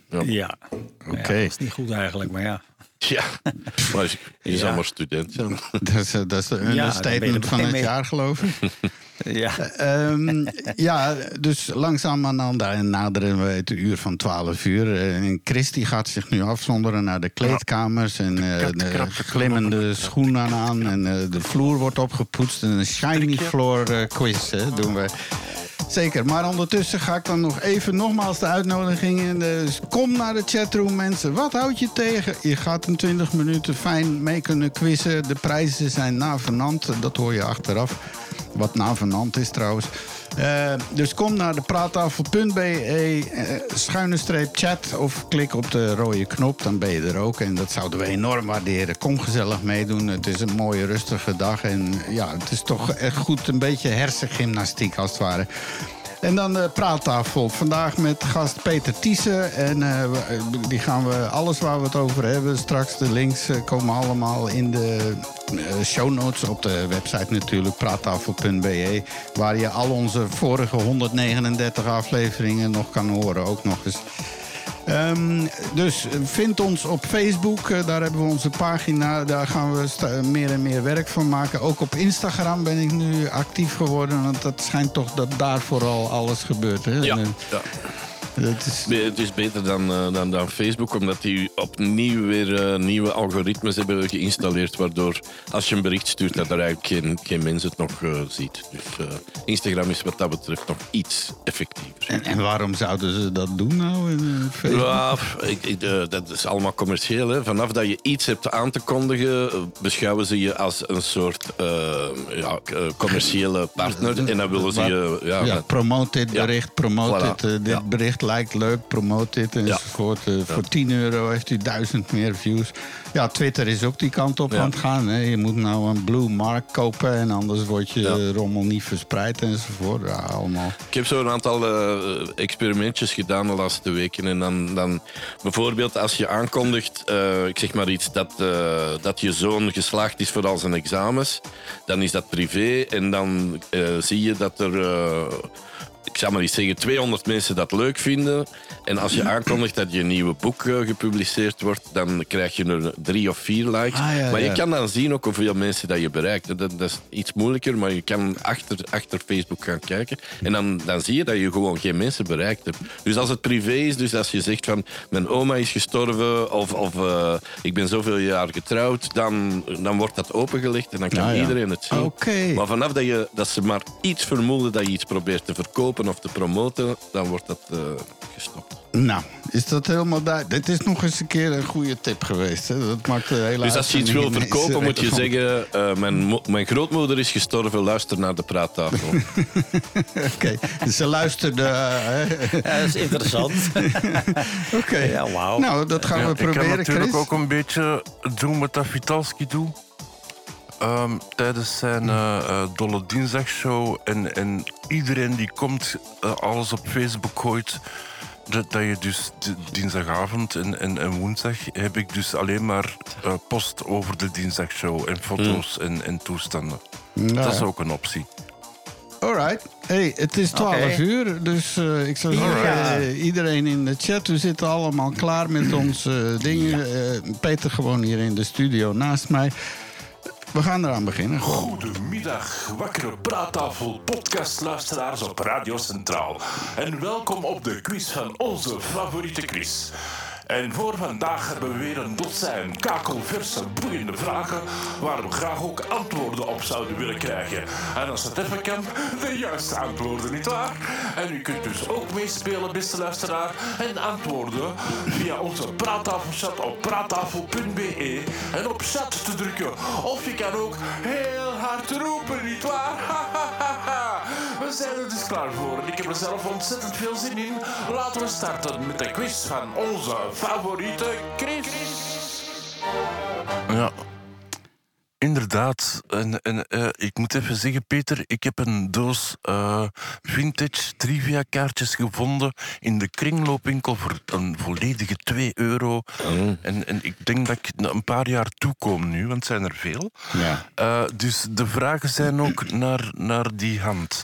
En Want van was mij welke, van gevraagd- welk jaar? Welke editie?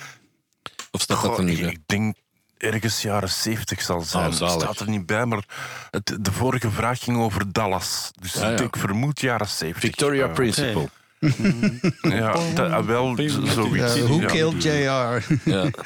Ja, want er is mij gevraagd door de redactie, je moet een beetje meer blokken, blokkenachtig doen. Dat, is leuker. Dus, dus ja, we gaan die, die richting uit. En dan begin ik direct met een domme grap. Er zitten twee vliegen op een kale kop van een oude man. Zegt de ene, dat zijn vlooien. Nee, vliegen. Er zitten, het begint er opnieuw gewoon. Er zitten twee vliegen op de kale kop van een oude man, zegt de ene tegen de andere. Hé, hey, weet je nog dat we hier vroeger verstoppertjes speelden?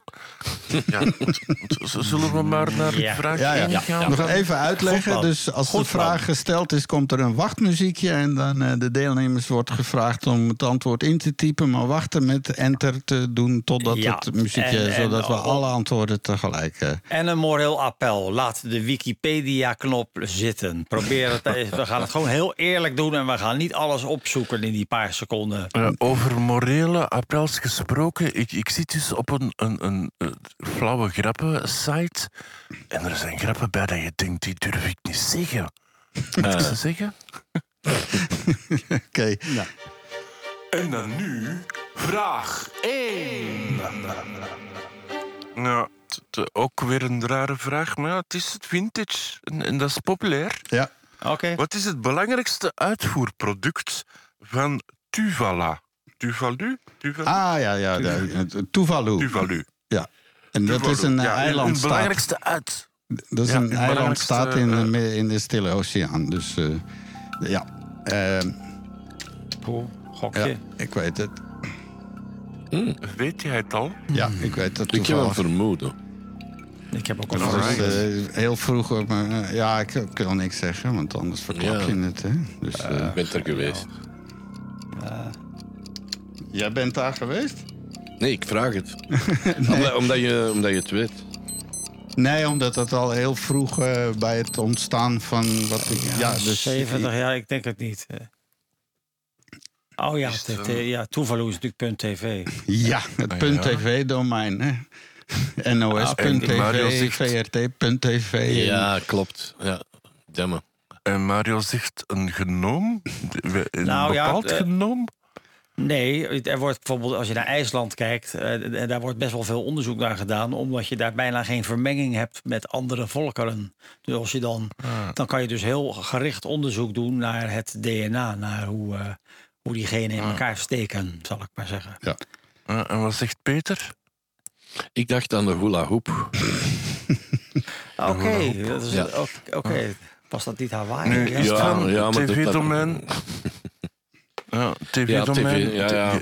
Ja, Je bent weer vergeten dat het over een vintage kit gaat van de jaren 70. ja, daarom dacht ik Dan was dat er gewoon nog niet. Nee, Ja, de hula hoop is ook niet juist. Het is ook geen genoom. Het zijn postzegels. Oh. ja, ja, Allemaal tuurlijk. fout. Nou, Ja, zeer gegeerde postzegels. Ja, allemaal fout. Oké. En dan vraag 2. Ja, vraag 2. Misschien weet je die wel. Welke groep opende de Live AIDS concert? Mm.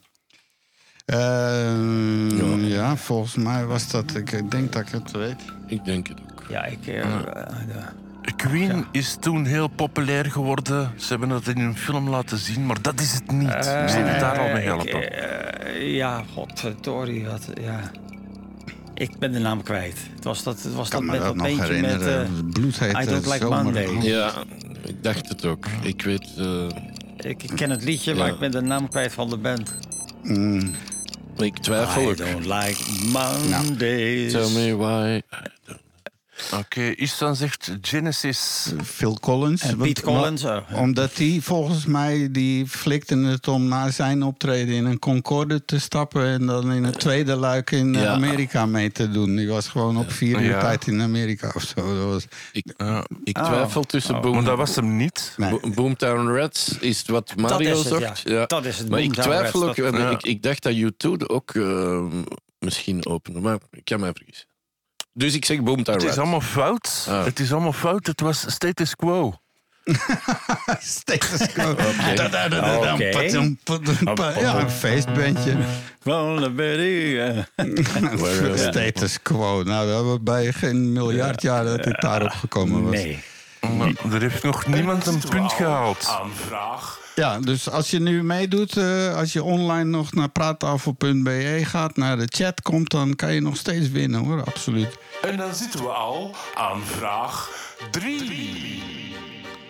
Ja, vraag 3. Wie was de vader van de Engelse koningin Elisabeth I? Ah, oké. eh, eh, wachtmuziekje.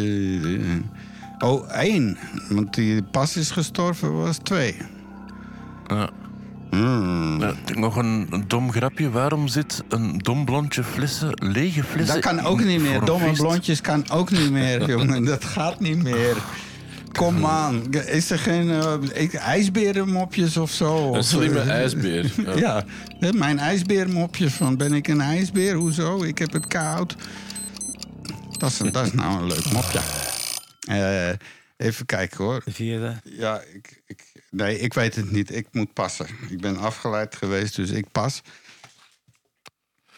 Richard de Eerste. Dus ehm, ehm, Mario zegt George IV. De vierde. eh is dan zegt was, het is Hendrik de Achtste.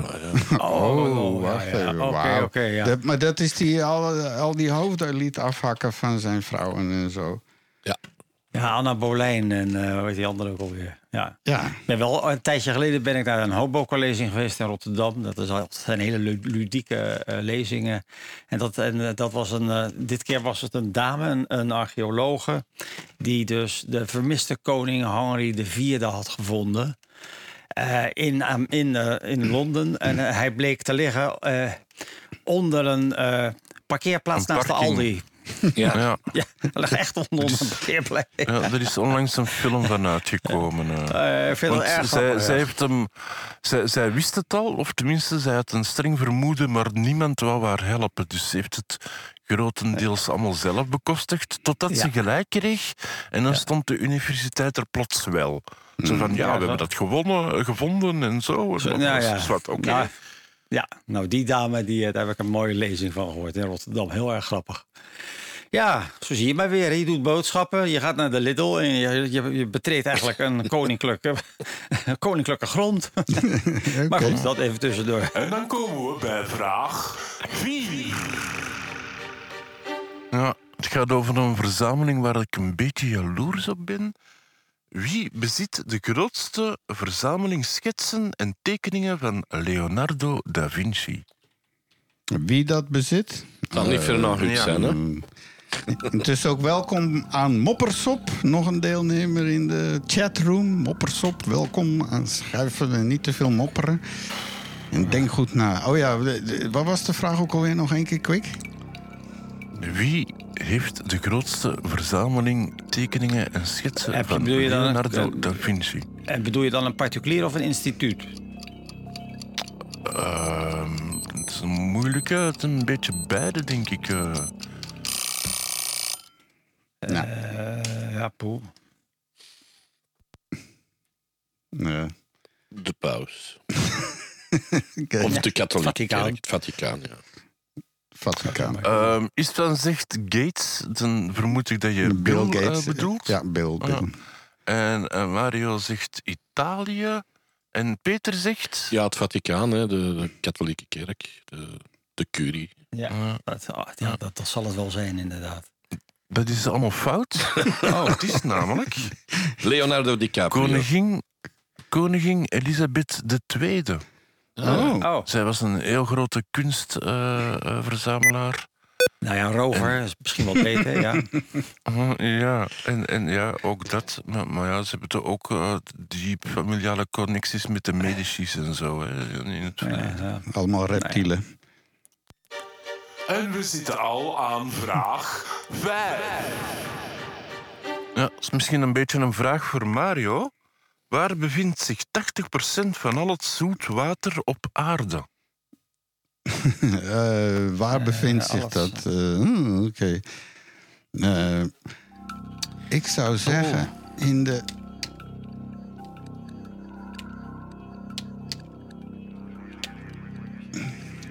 ik heb wel een ja. idee. Ja, ja, ja. Zoeken we een Ja, land. hè? weet nog niet dat hij moet wachten tot dat het belletje gaat om te antwoorden, maar dan weet hij het nu. Ja, dus even wachten. Moppersop in de wolken, zegt hij. Even moppersop. Ja, normaal stuur je het antwoord nu door, zoals ik het nu doe. Mario, Ja, oei, dus, oei, eh, sorry, eh, nee, maar dat is niet erg moppersop, geweldig. Eh, maar die had ook een antwoord. In de wolken? Neem jij het over, Istvan? Nee, jij. Ah, oké. Dus zelf zegt in de wolken, dat is een goede poging, maar jammer genoeg fout. Mario zegt Antarctica, eh Istvan zegt de Kaspische Zee. Eh Mopperstop zegt, oei, sorry, maar dat is geen antwoord, hè, want dat was in de wolken. Wat zegt Peter? Heeft hij Ik, idee? eh, ik heb geen idee. Het Titicaca-meer. Ja, bijna juist. Het is de Zuidpool. Oh ja, dat is niet ver uit, hè? Antarctica. Ah ja, dus Yes. Mario was Ja. juist. Oh, oké. Mario, heeft heeft een- inderdaad het eerste punt. Nou, Ik vind dit geweldig. Eh, Ik, ik, ik, ik heb er straks verteld, ik heb voor televisie een aantal quizzen moeten maken. En dan is eigenlijk het principe om een goede quiz te maken, omdat ongeveer 80% van de antwoorden gevonden wordt. En hier is het andersom. Ik vind dat geweldig. Oké. Is dat zo? Dat ik ze, maken het Ja, ja dat is een principe wereldwijd. Een goede quiz. Mensen moeten kunnen meespelen. Hè. Ja, ja. En Als, als, als je Ja. een quiz maakt waar mensen naar kijken of, of, of meedoen en, en ze hebben geen antwoord, dat, dat, dat werkt tegen. Hè. Dus, Ja, ja. Dus ja, vandaar alleen bij probeer dit is wel met deze quiz. Ja, probeer wel met deze quiz dat je dan toch wel van middelbare leeftijd moet zijn. Wil je enigszins kans hebben om iets te scoren? Ja, ja. Ja, maar als ik mijn vragen zelf samenstel, ik, ik hou handhaaf zo een beetje dat, dat BBC-programma QQ8. Mhm. En daar heeft iedereen altijd fout geantwoord. Ja. Dus ik vind dat wel leuk, maar je krijgt dan wel, normaal gezien niet met deze, want normaal gezien, als ik hem zelf samenstel, interessante weetjes. Ja, ja, ja. eh, Ja. en zo. Trivia, ja. Het is een trivia-bad, Ja. hè? natuurlijk, eh, Yep. absoluut. Maar ja, dan, eh, dan krijg je inderdaad bij Blok af en toe die vragen van... welke onwelriekende stof krijg je als je het woord stem omdraait? Ja. Weet je wel? Van die echt, ja, ja. eh, nou ja, dat, nou ja, eh, dat Ja, is... dat wordt Of dan zullen we maar naar vraag 6 gaan? Match. Match. Oké. Kan ik? Ja, ja, ja. We hebben het middenpunt bereikt met vraag 6. Ja, dat is een beetje een sportvraag. Oh In hoeveel continenten moet een sport beoefend worden vooral- vooraleer... Man, ik kan niet meer spreken.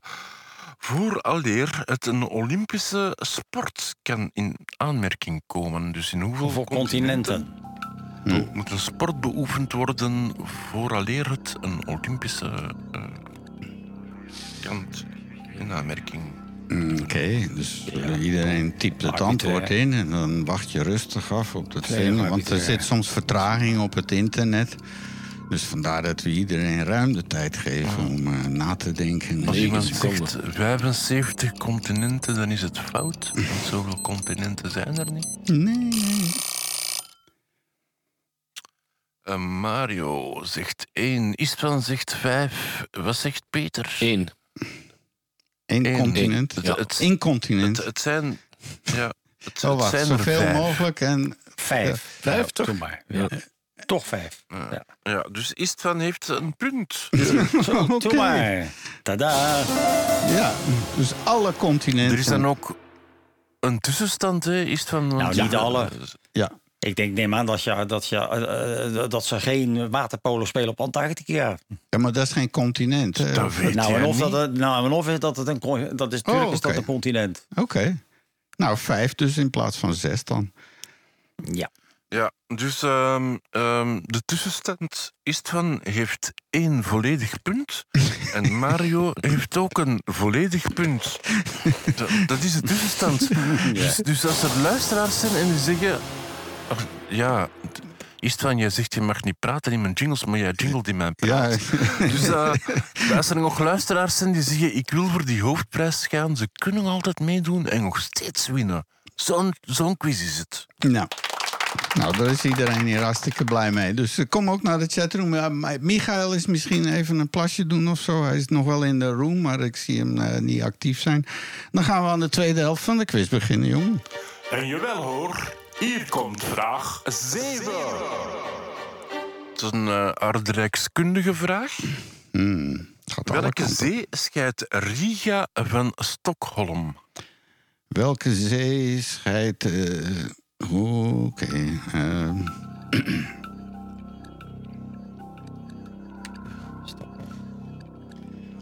ja. En dan eh, nog een ouderwets atlas erbij pakken. Dat is ook helemaal verdwenen. Atlas. Kattegat. eh, hoor ik daar Wikipedia? Nee, nee. tik, tik, dat is niet de bedoeling. Hoe heet dat ding ook alweer?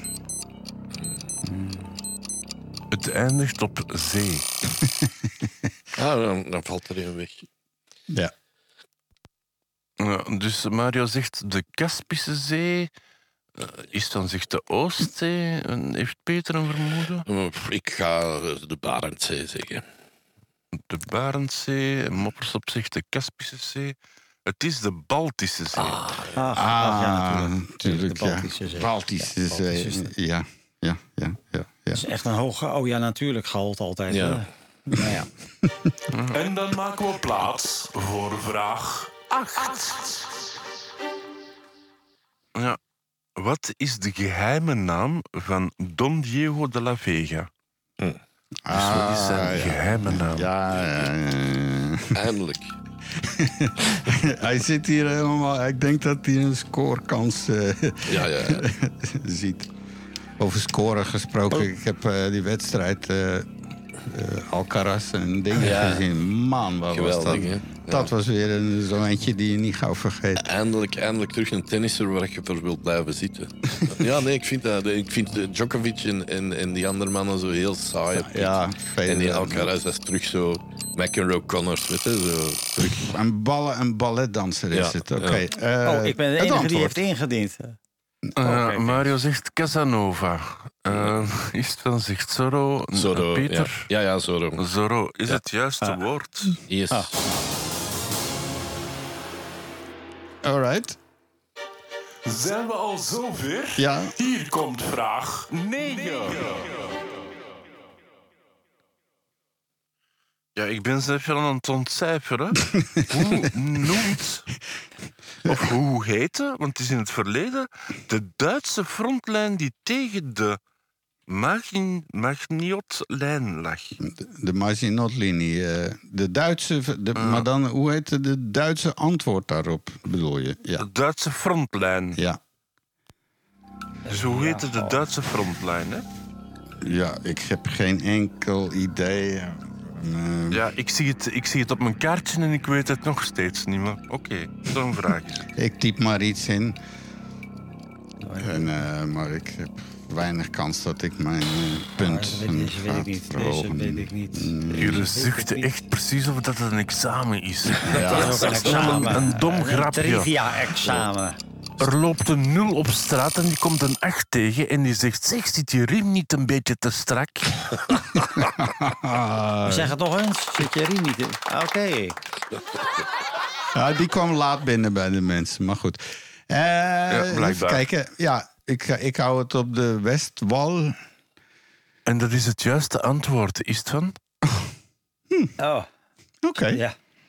Eh, we zijn niet Oké, ik sta met stomheid geslagen ben ik.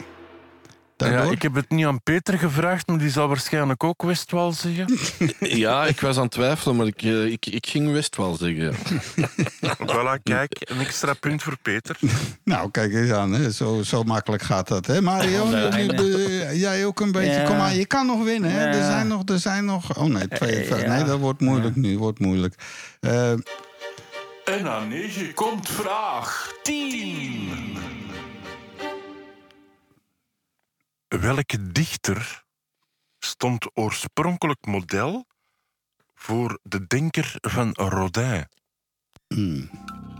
Poeh, welke dichter. mm, Nou, dat is iets voor Peter, denk ik. Maar Ja, niet, dan eh, ga ik door de mand vallen. Hè. Ja. Welke dichter? Wel- nee. Nee, daar begin ik aan. Eh, de Rodin. Wat is de eerste letter, Chris? D. Ah, Dirk den Dikke. Ik pas in elk geval. Ik pas. Ik pas. Eh, en de, de eerste letter is een D. Ja, ik, ik, de drie die ik in mijn hoofd had, waren allemaal met, met andere letters, dus ik ga Diderot zeggen.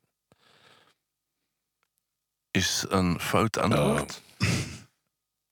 En is het dan past Mario past? Het was Dante. Oh, Oké. Dante van het netwerk, het audio-netwerk. Ja, die ken ik wel. Ja. Ja, dat over de hel en zo. Ja, dat is systeem. Ja, Dat is toch ja. een andere periode? Nee? Is Rodin ook... Lijkt eh, mij wel. Dat ja. was toch vroeger? Ja, Dante was 15e eeuw, denk ik. Ja, maar En- er, stond, hij kan model staan. Hè? Dat wil Ja, zeggen dat- dat hij nog leefde. hè. Misschien was Ja, hij of het was. Harry Dante, dat kan ook, hè? Ja. Eh, hey, maar eh, Dante is toch een verhaal? Dat is geschreven door iemand. Dat Nee, nee, dat is, dat is eigenlijk, nee, nee, nee, eigenlijk is het Dante Alighieri. Alighieri is zijn achternaam, Ja. Maar hij is de geschiedenis ingegaan als Dante. Ja, ja. En, en in de middeleeuwen begon hij al met audio-netwerking en zo. Ja, ja, ja. Dat is, eh, ja, ja, nou, het werkt nog steeds. Ja. hoor. Dat is een goed, goed principe. En, en Dus- Moppersop zegt nu Rimboud. En ik vermoed, buiten dat het fout is, dat er ook een enorme vertraging zit op onze uitzending. Maar oké, laten we gewoon naar de volgende vraag gaan. ja, je weet eigenlijk nooit waar die mensen vandaan komen. Hè. Die kunnen wel in Zo Nieuw-Zeeland actief zijn. Eh, Dat kan zomaar. Of, of Tuvalu of zo, ja. We zijn er bijna door, want hier komt vraag 11. Ja, die moet Mario zeker weten. Hoeveel zijde heeft een decagon? Mm, een decagon, Die Een decagon. een dodecahedron heb je. Dat is een beetje als de vraag: er zijn 15 visjes en 5 verdrinken. Hoeveel blijven er dan over? Er zijn vijf visjes. 15 Ah. en 5 verdrinken er. Hoeveel blijven er dan over? Ja, tien? Huh? Nee, volgens mij Nee, is van visjes kunnen niet verdrinken. Jawel, jij zegt het. Ze zijn verdronken, dus we- nee, dat is misleidende dat is fake news. Dat is misleidende informatie. Nee, ik dat is moet een even fout. mijn, een, een ik stom moet even mijn maar 12 oké. nog... eh, ja, het zal waarschijnlijk 10 Ja. zijn, maar 10? Ja, DK is, DK is 10, dacht ik. Ja. Dus Ja. ja, 10. Ja. Ja, nu weten we dat Moppersop vanuit Antwerpen eh, aanwezig is. Dus er is inderdaad een enorme vertraging. Eh, Mario zegt 10. Is het van denkt 10, maar zegt 12. En Peter zegt 10, 10. Ja. 10. En dat is het juiste antwoord. Nou, kijk eens. Nou, en dan komt het allemaal, de grote onthulling. En wie zijn vandaag de prijswinnaars? Dat kunnen We doen niet. na de laatste vraag. Is het van. Maar dit was vraag 12. Oh, oh nee, nee, nee. Ik zit verkeerd. Dus je Ja, koptelefoon ja, ja, weer te ja. strak. Gewoon losser draaien dat De ding. laatste vraag van vandaag. Vraag 12. Ja, daar is die. Ik heb hem al drie keer gelezen. Ik vind het een rare vraag, maar we gaan er gewoon aan beginnen. Wat gebeurde er met Daring Molenbeek en Racing with Brussels? Racing White. Dat darling, wat- wie weet dat? Ik, Ja, Peter blijkbaar. Ja. Eh, tuurlijk. Molenbeek is volgens mij een, dorp of een stadje in België. Ja, dat is een, deelgemeente van races. Brussel. Ja, het centrum van Oké. Brussel. Maar Darling, ja, nee. Ik, Het is Daring. Daring, Daring. Oh, Daring, je maaghals. eh. Ja, ja. Eh, Oké. Nee, dat weet ik gewoon niet. Nee. Dat is wel een hele vreemde. Kan je geen andere verzinnen? Ander kaartje. Je, je ander kaartje. 400 kaartjes staan met ik weet niet hoeveel duizend vragen. En dan pak je deze eruit. Maar goed, oké, oké, moet kunnen. ja, maar waarschijnlijk weet Peter het. Ja. En als hij het weet, dan is hij ook de winnaar van deze show. Dering Molenbeek en Racing White Brussel zijn twee van de oudste voetbalclubs van het land. En die speelden in de jaren 10, 20, in, de, in het begin van de voetbalcompetities, eh, verschillende keer kampioen. Dus dat waren twee zeer grote clubs in Brussel. En die hebben dan in de jaren 60, 50, 60 zo een neergang gekend. En die zijn in de jaren 70 gefusioneerd. En dus Racing White. Dering Molenbeek, RWDM. Ah, oké, wauw. Dus dat, Kijk dat is de voetbalclub nu, RWDM. Racing White, Dering Molenbeek. Twee clubs die Ah, gefusioneerd zijn. Ja, die moest Mario zeker weten, denk ik. toch. Ja, ja, ja, ja. En dus eh, Nee, dat is het dat juiste antwoord. Ja, Peter, en ik geef je nog een extra punt voor de uitleg. Oké. Altijd met die jingles om mijn tekst, jong. Ja, dat is van- verdringing. Dat, is- dat hoort erbij. Die Dat is verdringing. die kunnen zich niet inhouden, die mannen. Dus dan gaan we nu. Kan ik nu naar de. Of ja, nu gaan we ja, resumeren. Inderdaad. Nou, Is daar een jingle voor of niet? nee, die komt Ja, naar, nee, nou- de, naar de nummer Oké. 1 natuurlijk. Hè. Ah, die komt er daarna. Oké, ça va. Ehm, ja, Mario heeft twee juiste antwoorden. Istvan had er drie. En Peter is de grote winnaar van deze week met vijf juiste antwoorden. Ja. Nou, hé, wat, eh, en, en wat gaat hij winnen? Oh, Een kava-wortel De graag. prijs, de prijs ja, je mag het niet zelf kiezen, jammer genoeg, Peter, is eh, enorm veel liefde en genegenheid. Ah, zalig. Meer dan negen seconden mag ik kopen. ja, absoluut. absoluut. Ja, we, gaan er, we gaan er gewoon voor. We breken alle wetten en eh, normen. Ja. Eh, dat was de quiz, dus zeker dank aan Michael. Ja, die heeft eigenlijk niet meegedaan. Misschien was hij zo onder de indruk. Of, of, of hij is even afgeleid of even naar de winkel gegaan. Maar hij zat nog in de room en moppersop. Eh, Ook hartstikke bedankt. En kom volgende week weer terug. Eh, Ik denk dat dit een groeiproces is... wat eh, steeds leuker en leuker en leuker gaat worden. En eens even kijken. Ja, we moeten andere richtingen opzoeken. Kosmisch gezeven aan tafel. Oeh, die staat.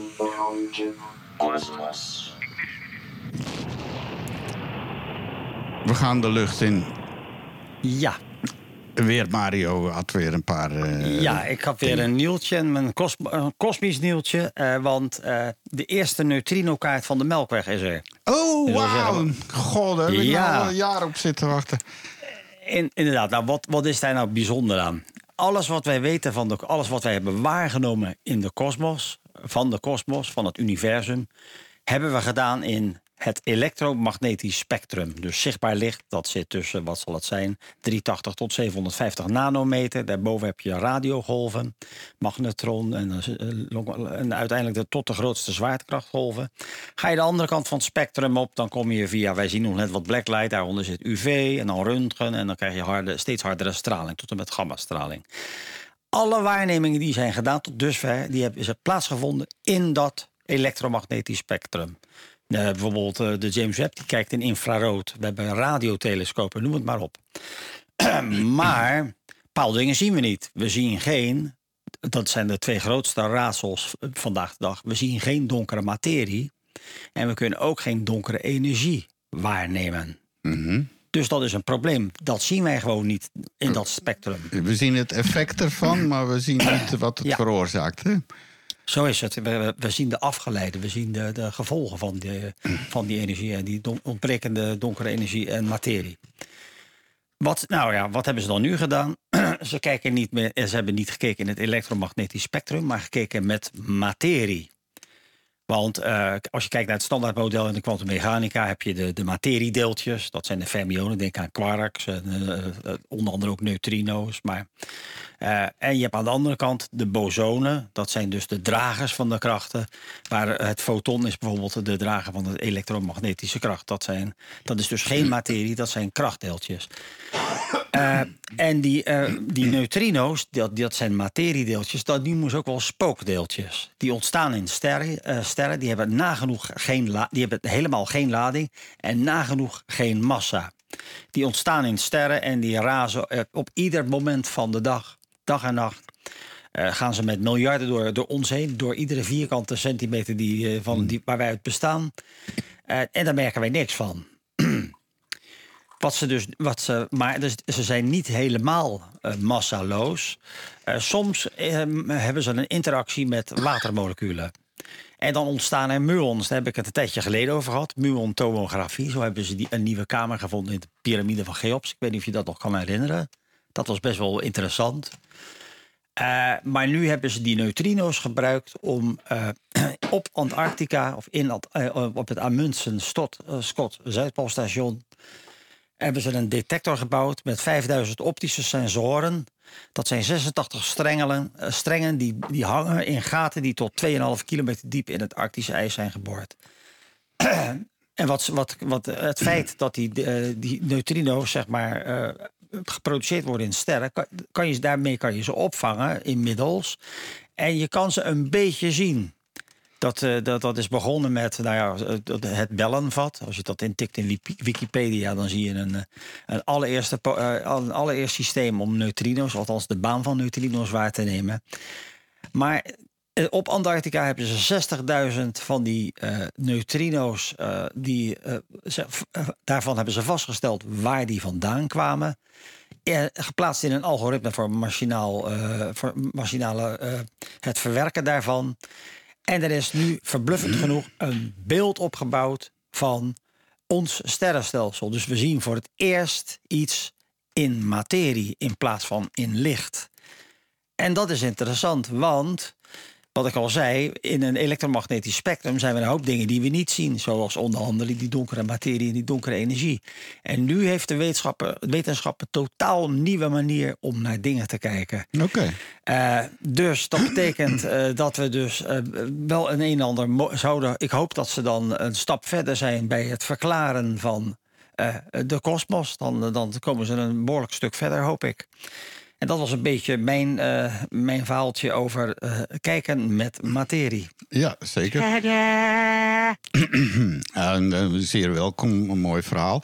Eh, daarnaast was er nu een probleem, want eh, ja, er is zo'n nieuwe explosie van satellieten die gelanceerd worden. Eh, met name SpaceX, maar er zijn andere bedrijven die, die zijn allemaal van plan om duizenden van die mini-satellietjes. En dat is allemaal voor internet en weet ik het allemaal. eh, dus de hele aarde wordt omgeven door tienduizenden van die dingen.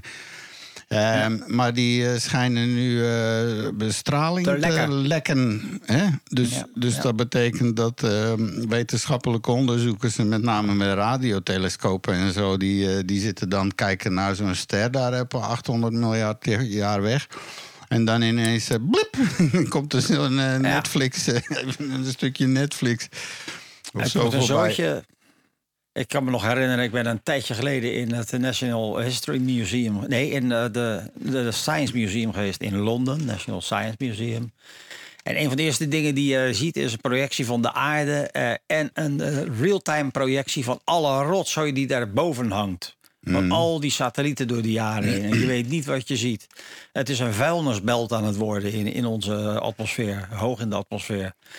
En het wordt ook steeds lastiger om een, om een window te vinden om te lanceren zonder dat je de kans hebt dat je ergens tegenaan botst. Ja, ja, ja. Dus dit, dit, dit is ook weer zoiets. Ja, dat is gewoon heel vervelend natuurlijk. Ja, dat- dat- dat doen we eigenlijk met dan, want ik hoorde ook gisteren, oh, dat was een podcast van Michael Moore. Die zei ook van, nou, als er, eh, als er hier zo aliens komen en die, die zien waar we mee bezig zijn, die, die zullen zeker geen contact leggen. Die denken, gaan maken Nee, dat we- eh, voordat we die- besmet worden door dit virus van de vernielers. Nou, die maken, die maken de constatering dat er vervoerlijk geen intelligent leven is. Nee, Ja. zeker niet. Dat is Ehm, vuilnisbelt. Ja, heel veel radiosignalen. En, eh, dus, dus de oudste televisiesignalen die uitgezonden zijn, of radiosignalen, dat begon zo'n 1900 en zo. Die zijn dan Ja. nu 120 lichtjaar eh, van ons verwijderd, als het ware. Dus, eh, dus zover kunnen mensen alvast, da- daar kunnen ze genieten van Orson Welles en de Flintstones en zo. Dus al, die, al die energie gaat recht de ruimte in. Ehm, eh, We komen dan eh, aan bij het meer het, het zen-gedeelte van ons eh, dingetje. Want we gaan ons gedicht erbij brengen. eh. Uw En eh, wil jij eh, misschien eh, Peter begeleiden in deze quiz? Omdat jij toch de gedichterbijer bent? Wat is dat voor een zin? Ik heb hem ook niet Maar- begrepen. Het is, Ja, nee, het is niet dat omdat dat is poëzie dat eh, onbegrijpelijk moet heeft- zijn. Ja, Istfans is een eigen taal die je moet eh, ontcijferen. Maar eh, uw favoriete Chris, brengt u dichterbij, is deze week ook niet waar. Want we hebben een gast die tv maakt en nog honderd andere dingen, maar ook gedichten schrijft. En hij gaat een eigen gedicht brengen. En dat is veel belangrijker dan een gedicht dat ik gevonden heb ergens in een boek. Alhoewel dat zijn gedichten ook in boeken staat, m- maar dat is dan wel goed. Kijk, zo. Ja. Ik ga een kort gedichtje doen, eh, omdat het vandaag precies drie jaar geleden is dat een groottante van mij gestorven is. En in mijn laatste bundel, die eh, twee jaar geleden is eh, verschenen, proefstuk, eh, stond er een kleine ode aan Marie-Louise. Oké. Dan gaan we dat doen. En natuurlijk wordt het weer via de Lucy Rooms eh, begeleid vanuit Rotterdam. Door een eh, dit keer stilistisch interessante Mario. Marie-Louise. Vluchtig mooi, sterk aanwezig. Vrouw van dromen, kracht van kralen. Grond en hemel, eeuwige twijfel. Dat was het aperitief. Halfzachte porto. Tijdens de zalm luister ik naar je aandoenlijke leugens. Een rits mannen trekt voorbij. Je wond ze zonder uitzondering rond je vingers. Bij de koffie volgt de uitsmijter. Het zijn allemaal cadees. En je blijft erbij. Burnout bestond niet in 65.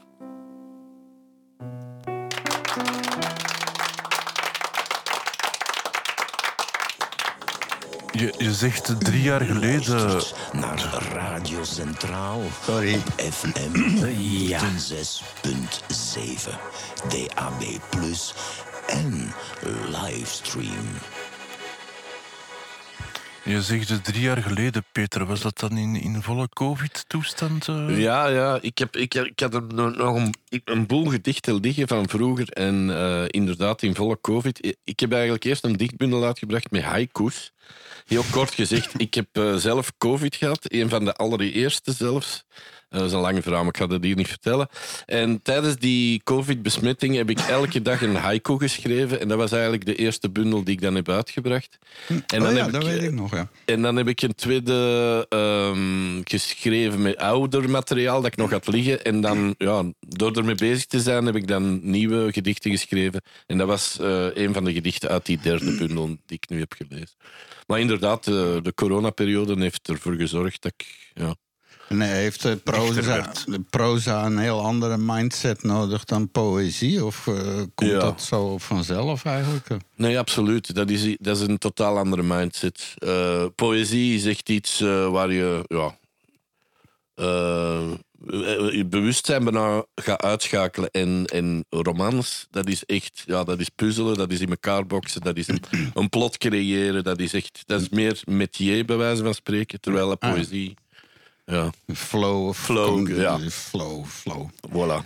Eh, en dan eventueel, ehm, ja, en eh, je hebt geen extra hulp daarbij nodig of zo. Of, je rookt niet meer. En, eh, Jawel, jawel, ik ben terug beginnen Oh, oh roken. ja, dat is Nee, maar, eh, veel mensen vragen dat inderdaad. eh, als ik drink of, of andere substanties tot mij neem bij het schrijven van romans, dan werkt het niet. Dan moet je echt... Allee, in mijn geval, ik moet daar nuchter Ah, ja. voor zijn. Poëzie, dat is een ander verhaal. ja, oké, maar dat is leuk om allebei te kunnen. Want Ja. dat, dat ga je niet gaan. Hey, we gaan eh, besluiten met het laatste blok. En dan eh, hebben we besloten om daar toch wel goed nieuws van te maken. Want eh, we hadden vroeger best veel wetenschap allemaal. Dat hebben we allemaal al gehad. En de mensen hebben behoefte aan soms positief nieuws ook een beetje. En daar willen we dus de mensen, onze luisteraars, achterlaten met een soort van goed gevoel. En dan één art- artikel wat ik las, dat, dat is ook weer een beetje Mario Land. Ehm, de aarde atmosfeer kan zichzelf reinigen. Groundbreaking research finds. En dat gaat dan allemaal om een molecule genaamd hydroxide. Ja, dat is gewoon, eh, dat is, nou, dat weer een hele nieuwe insteek eigenlijk. Want ja, hydroxide, dat zie je eigenlijk overal. Dat is eigenlijk een, eh, het is een anorganische samengestelde stof. Eh, het is een verbinding met een metaalion. En je, je ziet het vaak in, eh, eh, denk, denk aan, eh, ook in het dagelijks leven kom je het vaak tegen. Natriumhydroxide, dat kennen we als grootsteenontstopper. Kaliumhydroxide, dat is nu het nieuwe resomeer. Als je de pijp uit bent, dan kan je dus voor kiezen... dus niet meer de oven in te gaan of begraven te worden... maar geresomeerd te worden. Feitelijk verdwijn je dan, is het ook een soort grootsteenontstopper... verdwijn je uiteindelijk in de riool. Vind ik ook wel een aardig idee trouwens. Maar... dat- dat die is- heeft dat ooit gedaan met zijn vrouw. Heel lang geleden. Ja? Ja, die, die Hongaren, ja. Ja. In de jaren tachtig Nou, ja. eh, heeft hij zijn familie op die manier doen verdwijnen. Ja, was een, ja. Oh, dat is weer een soort moordzaak, begrijp ik. Ja. Hij was gewoon zijn tijd te ver vooruit in Ja. die business. Ja. Het is nu een businessmodel. Ja. Hmm. Maar ja, dat is dus eh, best wel een hele interessante ontwikkeling. Want eh, dan kan je dus eigenlijk op een hele goedkope manier... kan je zeg maar, kan je zeg maar eh, een op- oplossing vinden... voor eh, de, de problemen waar we nu mee zitten. Luchtvervuiling met name. De luchtvervuiling. En dan, eh, ja, als je het heel makkelijk kan, kan eh, binden... Dan, dan, dan heb je in ieder geval weer een tool erbij waar je, eh, waar je wat mee kan. En het is natuurlijk ook, eh, hoe zeg je dat? Het is ook eh, heel goedkoop om te doen. En het is ook iets wat nog niet eerder is gedaan. dus dat, dat, nou ja, kijk, dat zijn van die dingetjes eh, waarvan je denkt van, nou wie weet. eh, wie weet gaat dat lukken. Wat, je- wat je doet is, je, hebt, eh, je kan dan met OH koolwaterstof oxideren. en dat is, die willen we kwijt. Want koolwaterstof CO2 is, een- is een koolwaterstof. Als je begrijpt. De, Dus dat is de oorzaak van alle ellende. Ja, ja. Ja. Laten we hopen dat dit wat, een, weer een nieuwe insteek is. Want we blijven vervuilen en we gaan maar door en we gaan maar door. Zeker. Ehm, en dan ook weer positief een beetje AI. eh, en dat is iets waar eh, jij ook wat meer vanaf weet, Mario. Die Belgische onderzoekers die met AI... Ja. eh, een oorzaak en ja. mogelijke behandeling van cystinose. Wat is dat dan? Ja. Cystinose is ook weer een stofwisselingsziekte. Dat, nou, denk maar aan boksen. Ik heb daar iets van. Ik heb een, ge- een geschiedenis met iets van daarover. Maar stofwisselingsziektes, dat zijn de meest zeldzame en ook hele nare ziekten. En eh, wat er eigenlijk grosso modo gebeurt is, eh, is dat er één gen niet codeert voor dat ene eiwit. Dus aan de aanvoerende weg, de, kata de katabole weg, ontstaat tekorten, er staan ophopingen. En de afvoerende weg, de anabole weg, eh, waar- daar krijg je dan tekorten.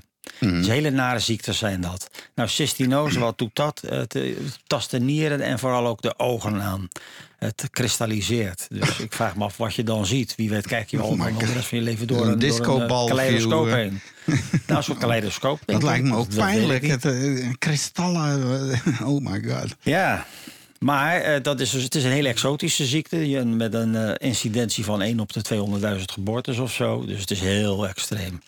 En, en eindelijk is er dus nu een fabrikant die daarmee bezig is. Tenminste, die, waar, die het nu gelukt is om daar wat voor te ontwikkelen.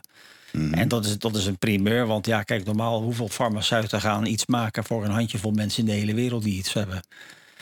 Dus dat is op zich, eh, ja, ik vind het wel goed nieuws. Ja, dat is met die weesgeneesmiddelenwetgeving. Is Ja. er, eh, dat ze dan zoveel jaar het exclusieve. Want wij hebben dus destijds, dat is intussen jaren geleden, een tweetal documentaires gemaakt over 2005, stof, ja, ja. eh, stofwisselingsziekte. Ja. En eh, onder andere waren bij zo'n bedrijf. eh, en, en er zijn dan van die bedrijven die gaan in Europa actief op zoek. Want ze, zijn, eh, ze weten dat er per land gewoon twee, drie patiënten moeten zijn. Maar elk van die patiënten levert genoeg op dat heel de zaak dus iedere vrijdagavond naar de bowling kan. Met het hele personeel. Want dat, Nou dat- ja, het, het- het- het zijn natuurlijk medicijnen die ongelooflijk veel kosten. Want voor het ontwikkelen van zo'n medicijn ben je gemiddeld 5 miljard euro kwijt. Ja. En dan weet je nog niet, en dan, en dan blijft het een gok, gaat het werken of niet? Want wa- het werkt als volgt. Want ze hebben dus nu een groep die, die, waar ze wel wat mee kunnen doen. Dat zijn de lysosomale stapelingsziektes. Wat je doet, je, je manipuleert eh, een, een ander organisme. In, in, in dit geval de, de eicellen van de, de Chinese hamster. En daar, zo- eh, dus die, eh, die pas je zo aan dat de eicellen, als je dat zou opkweken in een bioreactor, het ontbrekende enzym produceren. Nou, En dat probeer je dan op te schalen van, nou, we zijn in zo'n lab geweest. En dan krijg je uiteindelijk na jaren ontwikkeling een medicijn met dat ontbrekende enzym. Maar dat betekent wel dat het een godsvermogen kost. Want ja, hoe ga je in vredesnaam die 5 miljard terugverdienen aan, aan een handjevol mensen in de hele wereld? ja. Dus dat is het. Eh, en dat, ja, het is triest, maar eh, dat gaat ook steeds minder. Want eh, hoe zeg je, mensen willen daar niet meer. eh, eh, je ziet steeds meer eh, incentives dat ze zeggen van. Tenminste, je ziet een ontwikkeling dat ze zeggen van moeten we daar nog wel in willen in- investeren? Kunnen we niet veel beter dat geld ergens anders inzetten? En dat zou heel triest zijn voor die hele. je zal maar zo'n kind hebben. Ja, Ja. de- Was het niet de bedoeling dat het positief nieuws was, had ik gehoord? Nou ja, ja, nou ja, eh, wat je hier nu ziet, dat is dus inderdaad wel bijzonder. Belgische onderzoekers vinden met AI een, een oorzaak en een mogelijke behandeling. Eh, Maar dan, eh, oké, maar dan moet nog wel inderdaad, de- die, eh, dan moet je inderdaad nog wel dat molecuul gaan maken, denk ik. En dat zal niet, eh, dat zal niet makkelijk zijn. Ja. ja. Ja, iets anders lees ik nu is het van smoking weed after work. Dat, dat mensen dat eigenlijk geen probleem niet meer vinden. Nu, moet, Werkgevers, zeggen, werkgevers hè, hebben we het Of met de- name. nog beter zelfs, nu moet ik eerlijk zeggen, ik had die after niet gelezen er yet. Dus ik ben mijn, mijn joint aan het uitdoen nu. En, en wacht nog een half uur. Maar, maar Nou ja, in Amerika, dat is ook weer een New York Times artikel was dat. Oh nee, WAPO, de Washington Post bedoel ik.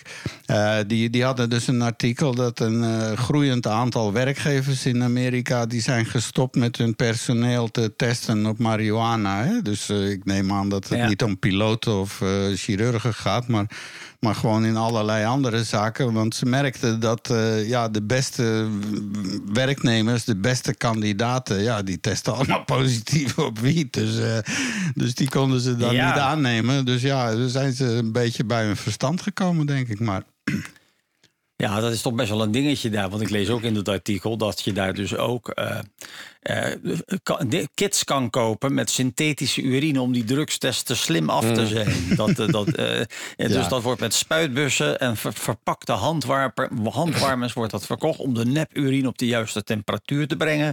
en dan die pseudo-urine, die bevat dan alle ingrediënten die in, in menselijke urine worden aangetroffen.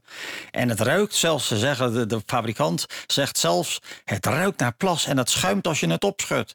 Nou, dat Dus toch Heineken eigenlijk. Eigenlijk is het een voordeel.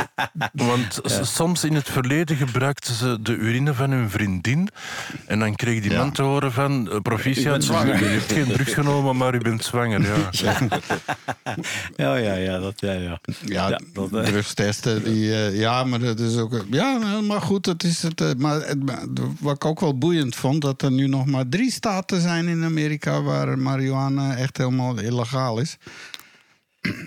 Dus ja, Ja, het is toch wel wat dat betreft. Maar ja, wat gaat eh, Trump doen en zo? Als die, dan gaan die dat weer waarschijnlijk allemaal terugdraaien. Weet ik veel wat allemaal. Heel enge Tenzij die dingen. daaraan kan verdienen. Gaan we Ja. niet opnieuw over beginnen? Dan worden we weer... Volgens mij pakt hij zelf zware drugs. hè, Maar kom, los van dat.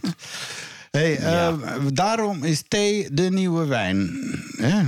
Ja, en, en ik ben daar helemaal voor. Dus Vertel het eens. blijkt, mensen drinken minder. Ik heb ook zo een, heel goede vriend die, die al jaren in de AA zit. En ik ben daar trots op dat hij dat blijft volhouden. Hij is onlangs wel geopereerd en zegt: Ja, ik heb morfine genomen. Eigenlijk val ik terug, officieel gezien. Maar nou ja, laat maar eens een heup eh, uitnemen zonder morfine. Dan, dan zal je wel anders praten. Maar dus die thee, ja, thee wordt eh, eh, absoluut gewaardeerd. En, en er zijn meer en meer cafés die, die dus eh, eh, thee, thee eh, serveren. En, en, en restaurants beginnen het ook te gebruiken in de plaats van wijn. En dan, dan kan je kiezen. Zo'n witte thee, ja, dat is goed bij voorgerechten en, en vis. Een groene thee is wat meer gekruid, dat kan je bij vlees eten. En de rodenbosthee is zoeter, dat kan je gebruiken als een dessert. eh, in de plaats van een dessertwijn. Dus het is een nieuwe rage en ik, ik ben er helemaal voor, eerlijk gezegd. De thee is ook gezond. Nou, wij zijn, eh, vorig jaar ben ik eh, met mijn echtgenoot op een soort campertrip geweest. En we waren dan in Friesland, Groningen, daar ergens. En ineens stonden zo van die bordjes eh, theemuseum, theemuseum. Dus wij daarheen. En uiteindelijk kwamen we daaraan. Zeer aangenaam. En dat is inderdaad een, een, soort theehuis. En die importeren ook. En dat was een boeiende film over hoe thee gemaakt wordt. Daar sta je niet bij stil. Dat is toch best wel een heel proces nog. En eh, ik denk dat ze En daar er zijn- 600 soorten thee hadden. Dat was echt heel absurd. Een winkel. Ja, dat was heel, heel absurd. Verbaast me niet. Nee, je Eh, eh, hij heeft ook heel veel vergelijkingen met wijn. Hè, want de smaak van de thee heeft verschillende eh, gronden. Maar het, het is ook gelijk de wijn. eh hangt het ervan af waar komt de thee vandaan? Hè, waar is hij gegroeid? Hè? De wijn heeft dat ook. En, en de, de leeftijd en zo. En het boeket. Dus hij heeft wel ergens een link. Alleen zit er niet eh, de alcohol in. Eh, Je kan het er wel Nou in ja, kappen je- geniept. Ja, je ziet toch wel inderdaad een soort ontwikkeling. Neem koffie. Dat koffie drinken tegenwoordig drinkt niet meer een niemand meer een kop koffie. Iedereen drinkt een, een lungo en weet ik het allemaal. Ja. Mensen hebben tijd over en het specialiseert zich. Dat zie je ook met thee, maar dat zie je eigenlijk met alles lijkt het wel. Eh, dus ja, het, verbaast me niet. Als je naar Rotterdam kijkt, in het centrum, op de, de, in de Koopgoot, dat is een triple-E-locatie, duurder kan het niet, hebben we de pindakaaswinkel met 50 soorten pindakaas. Heb ik ook Ik bedoel, gezien. ja, heel bizar. Dus, Nou ja. dus dat lijkt een beetje, ja, het, het, het gaat die kant heen, lijkt het wel. Ja, ik, ik weet nog wel dat ik, ik zat ooit in de studio met een Engelse producer. En die vroeg dan van eh, eh, of dat ik even kon helpen. En eh can you make me a nice kappa? Een kopje thee. Dus ja, ik gewoon een, glas en een theezakje erin en eh, brengen. Was en dat zo. de functie is van thee maken in de studio? Zo is hij begonnen in de studio. Ja, kijk eens, en dan eh, schop je het zo ver. Maar eh, nee, nee, maar het is gewoon behulpzaam zijn natuurlijk. Dan is hij met iets bezig of zo en dan, eh, dan doe ik dat wel hoor. En, maar eh, nee, nee, nee, dat was veel te slap. Er moesten zeker twee zakjes in en het water moest koken. It's not hot enough and it must be black en zo. Dus die dronken de Ja, thee echt helemaal Ja, bijna zwart, vooral niks proeven dan. Ja, ja. Dat is zoals die Engelsen het graag eh, lusten. Eh, maar ja, die, ik weet niet of dat die nou ook al op die nieuwe theerages... Ja, maar ja, eh, Engels, kijk, als je, weet, als je weet hoe ze ontbijten, kan ik dat ook niet serieus nemen. Hè? Maar die doen ook mel met Positief melk in thee. hè. Eh, dat ook nog. Engelsen doen eh, cream, cream in hun, in hun thee. Wat een Ja. bijzonder rare gebruik is, vind ik. Ja, nogal, ja. Ja, en een... Nou, eh, in China doen ze dat ook wel. Zo, hè. Daar Ja? hebben ze van die melkthees en die zijn eigenlijk best lekker. eh. Dat is een soort chai, latte dan. Of, Ja. Ja, ja, ja, ik weet wel dat eh, heel, heel eh, Azië eh, lactose intolerant is. Dus dan zal het wel een aangepaste melk zijn. Want normaal kunnen zij Die gebruiken meestal melkpoeder. jakmelk. Nou, die melkpoeder die is bedoeld voor, eh, voor eh, de baby's. Eh, Met het melanine-schandaal destijds. En baby's zijn natuurlijk niet... die, die hebben geen lactose-intolerantie natuurlijk. Want die moeten melk drinken. Maar volwassen mensen... Ja, die worden geacht niet meer melk te drinken. Begrijp je? Dus eh, dat is eigenlijk exclusief voor Europa en Noord-Amerika. Yes, sir. Hey, All kinds of trash is turned into valuable graphene. Eh, dat is een waar we Ja. allebei op gebotst zijn, dat artikel. Dus eh, afval wordt in de graphene, dat is een heel speciale soort eh, grafiet, als het ware, wa- waarvan alle... De koolstof, eh, ja, het is een, een manier van, van het, het in, in een rooster zetten van koolstofatomen. En eh, het mooie is, eh, bij alles, eh, heel, laat ik zo zeggen, koolstof is het meest universele atoom dat je kunt vinden. Dat is een soort Zwitserse zakmes. Daar kan je alles aanklikken. En het leven is ook gebaseerd op koolstof door.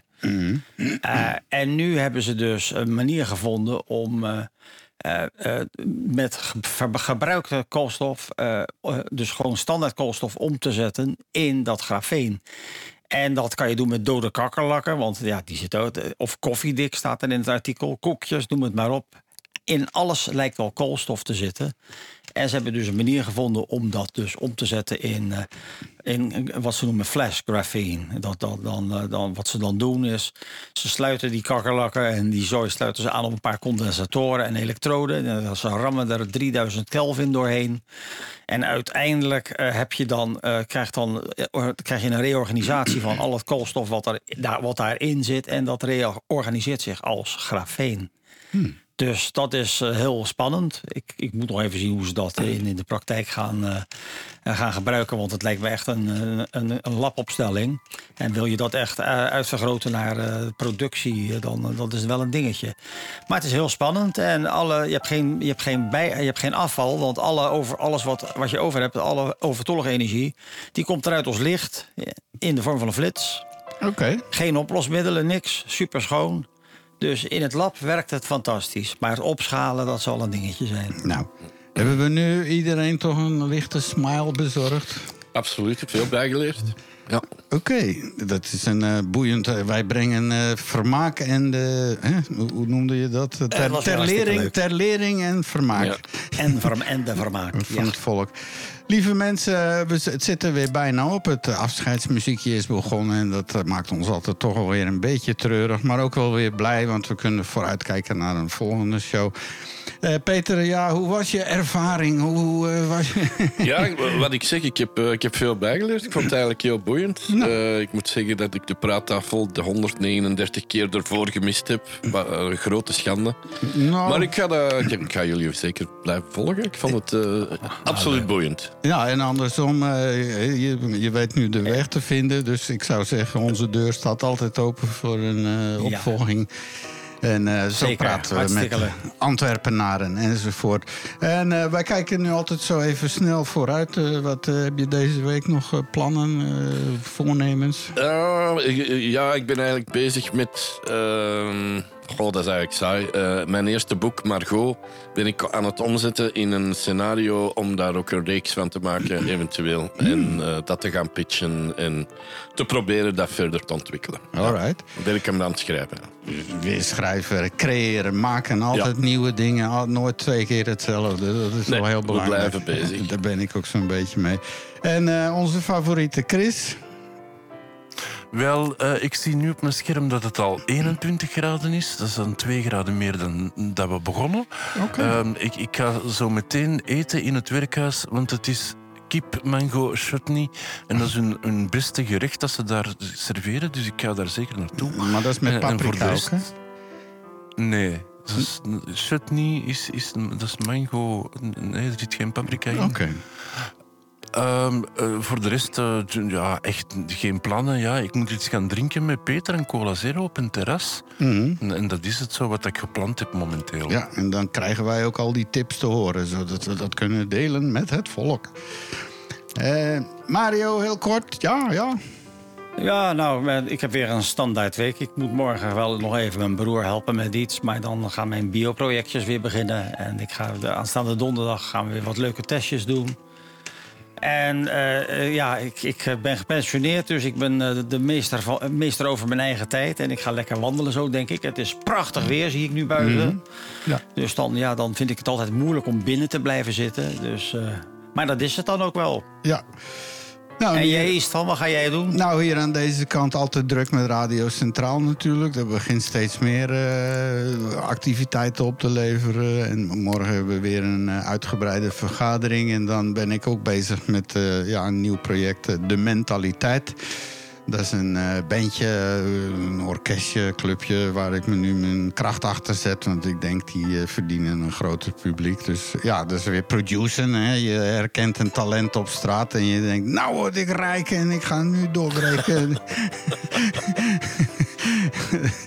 dat is gewoon een andere Ja. ziekte. Hè. Dus elke Ja, keer weer opnieuw een muntje in de gleuf steken... en dan maar zien wat dat gaat opleveren. Na ons ga je twee uur lang luisteren naar het Kralenspel op Radio Centraal. Een eh, gevarieerd muzikaal programma met aandacht voor links en rode draden. En dan links, niet als van rechts links, maar ik denk linken en rode draden en zo. Met Jeroen en Elko B. Heel aangenaam programma. Een hele eh, ja, straffe muziekkeuze en ook die steekt er wat van op. Eh, ook nog eens dank aan Technica del Arte, de jongens in Maastricht van Lucy Rooms, die dit allemaal technisch mogelijk maken. En dan zou ik zeggen, nog een fijne dag met Radio Centraal. En eh, wij gaan eruit eh, met een mooie wens voor de mensen. En dat je allemaal maar gezond en rijk en alles volgende week terug kan komen. Hè, dat is toch een mooie gedachte, denk ik. Hè? Dat Ja. is toch een. Ja, en ik vond het een leuke uitzending dit keer. Een fijne gast. Eh, Nogmaals Hoe bedankt. bedoel je dit keer? Die 140 anderen dan niet, of wat? Nou, sommige. Sommige. Eh, Sommige. Eh, Ja, ja, anderen waren weer wat beter. Oh, nogmaals, alle links en ook de links naar Peters activiteiten komen op de website naar praattafel.be. En daar krijg je ook alle chatlinks en alles waar we het over gehad hebben. De links plaatsen we daar in. Dus Ja. eh, dat is een fantastische bron van research enzovoort. En dan is het officieel nu aan in elk geval hartstikke bedankt voor het luisteren en tot de volgende allemaal. Doei! doei, doei. U was wederom welkom aan deze aflevering van de Praattafel. Kijk op praattafel.be voor de show notes. Tot de volgende.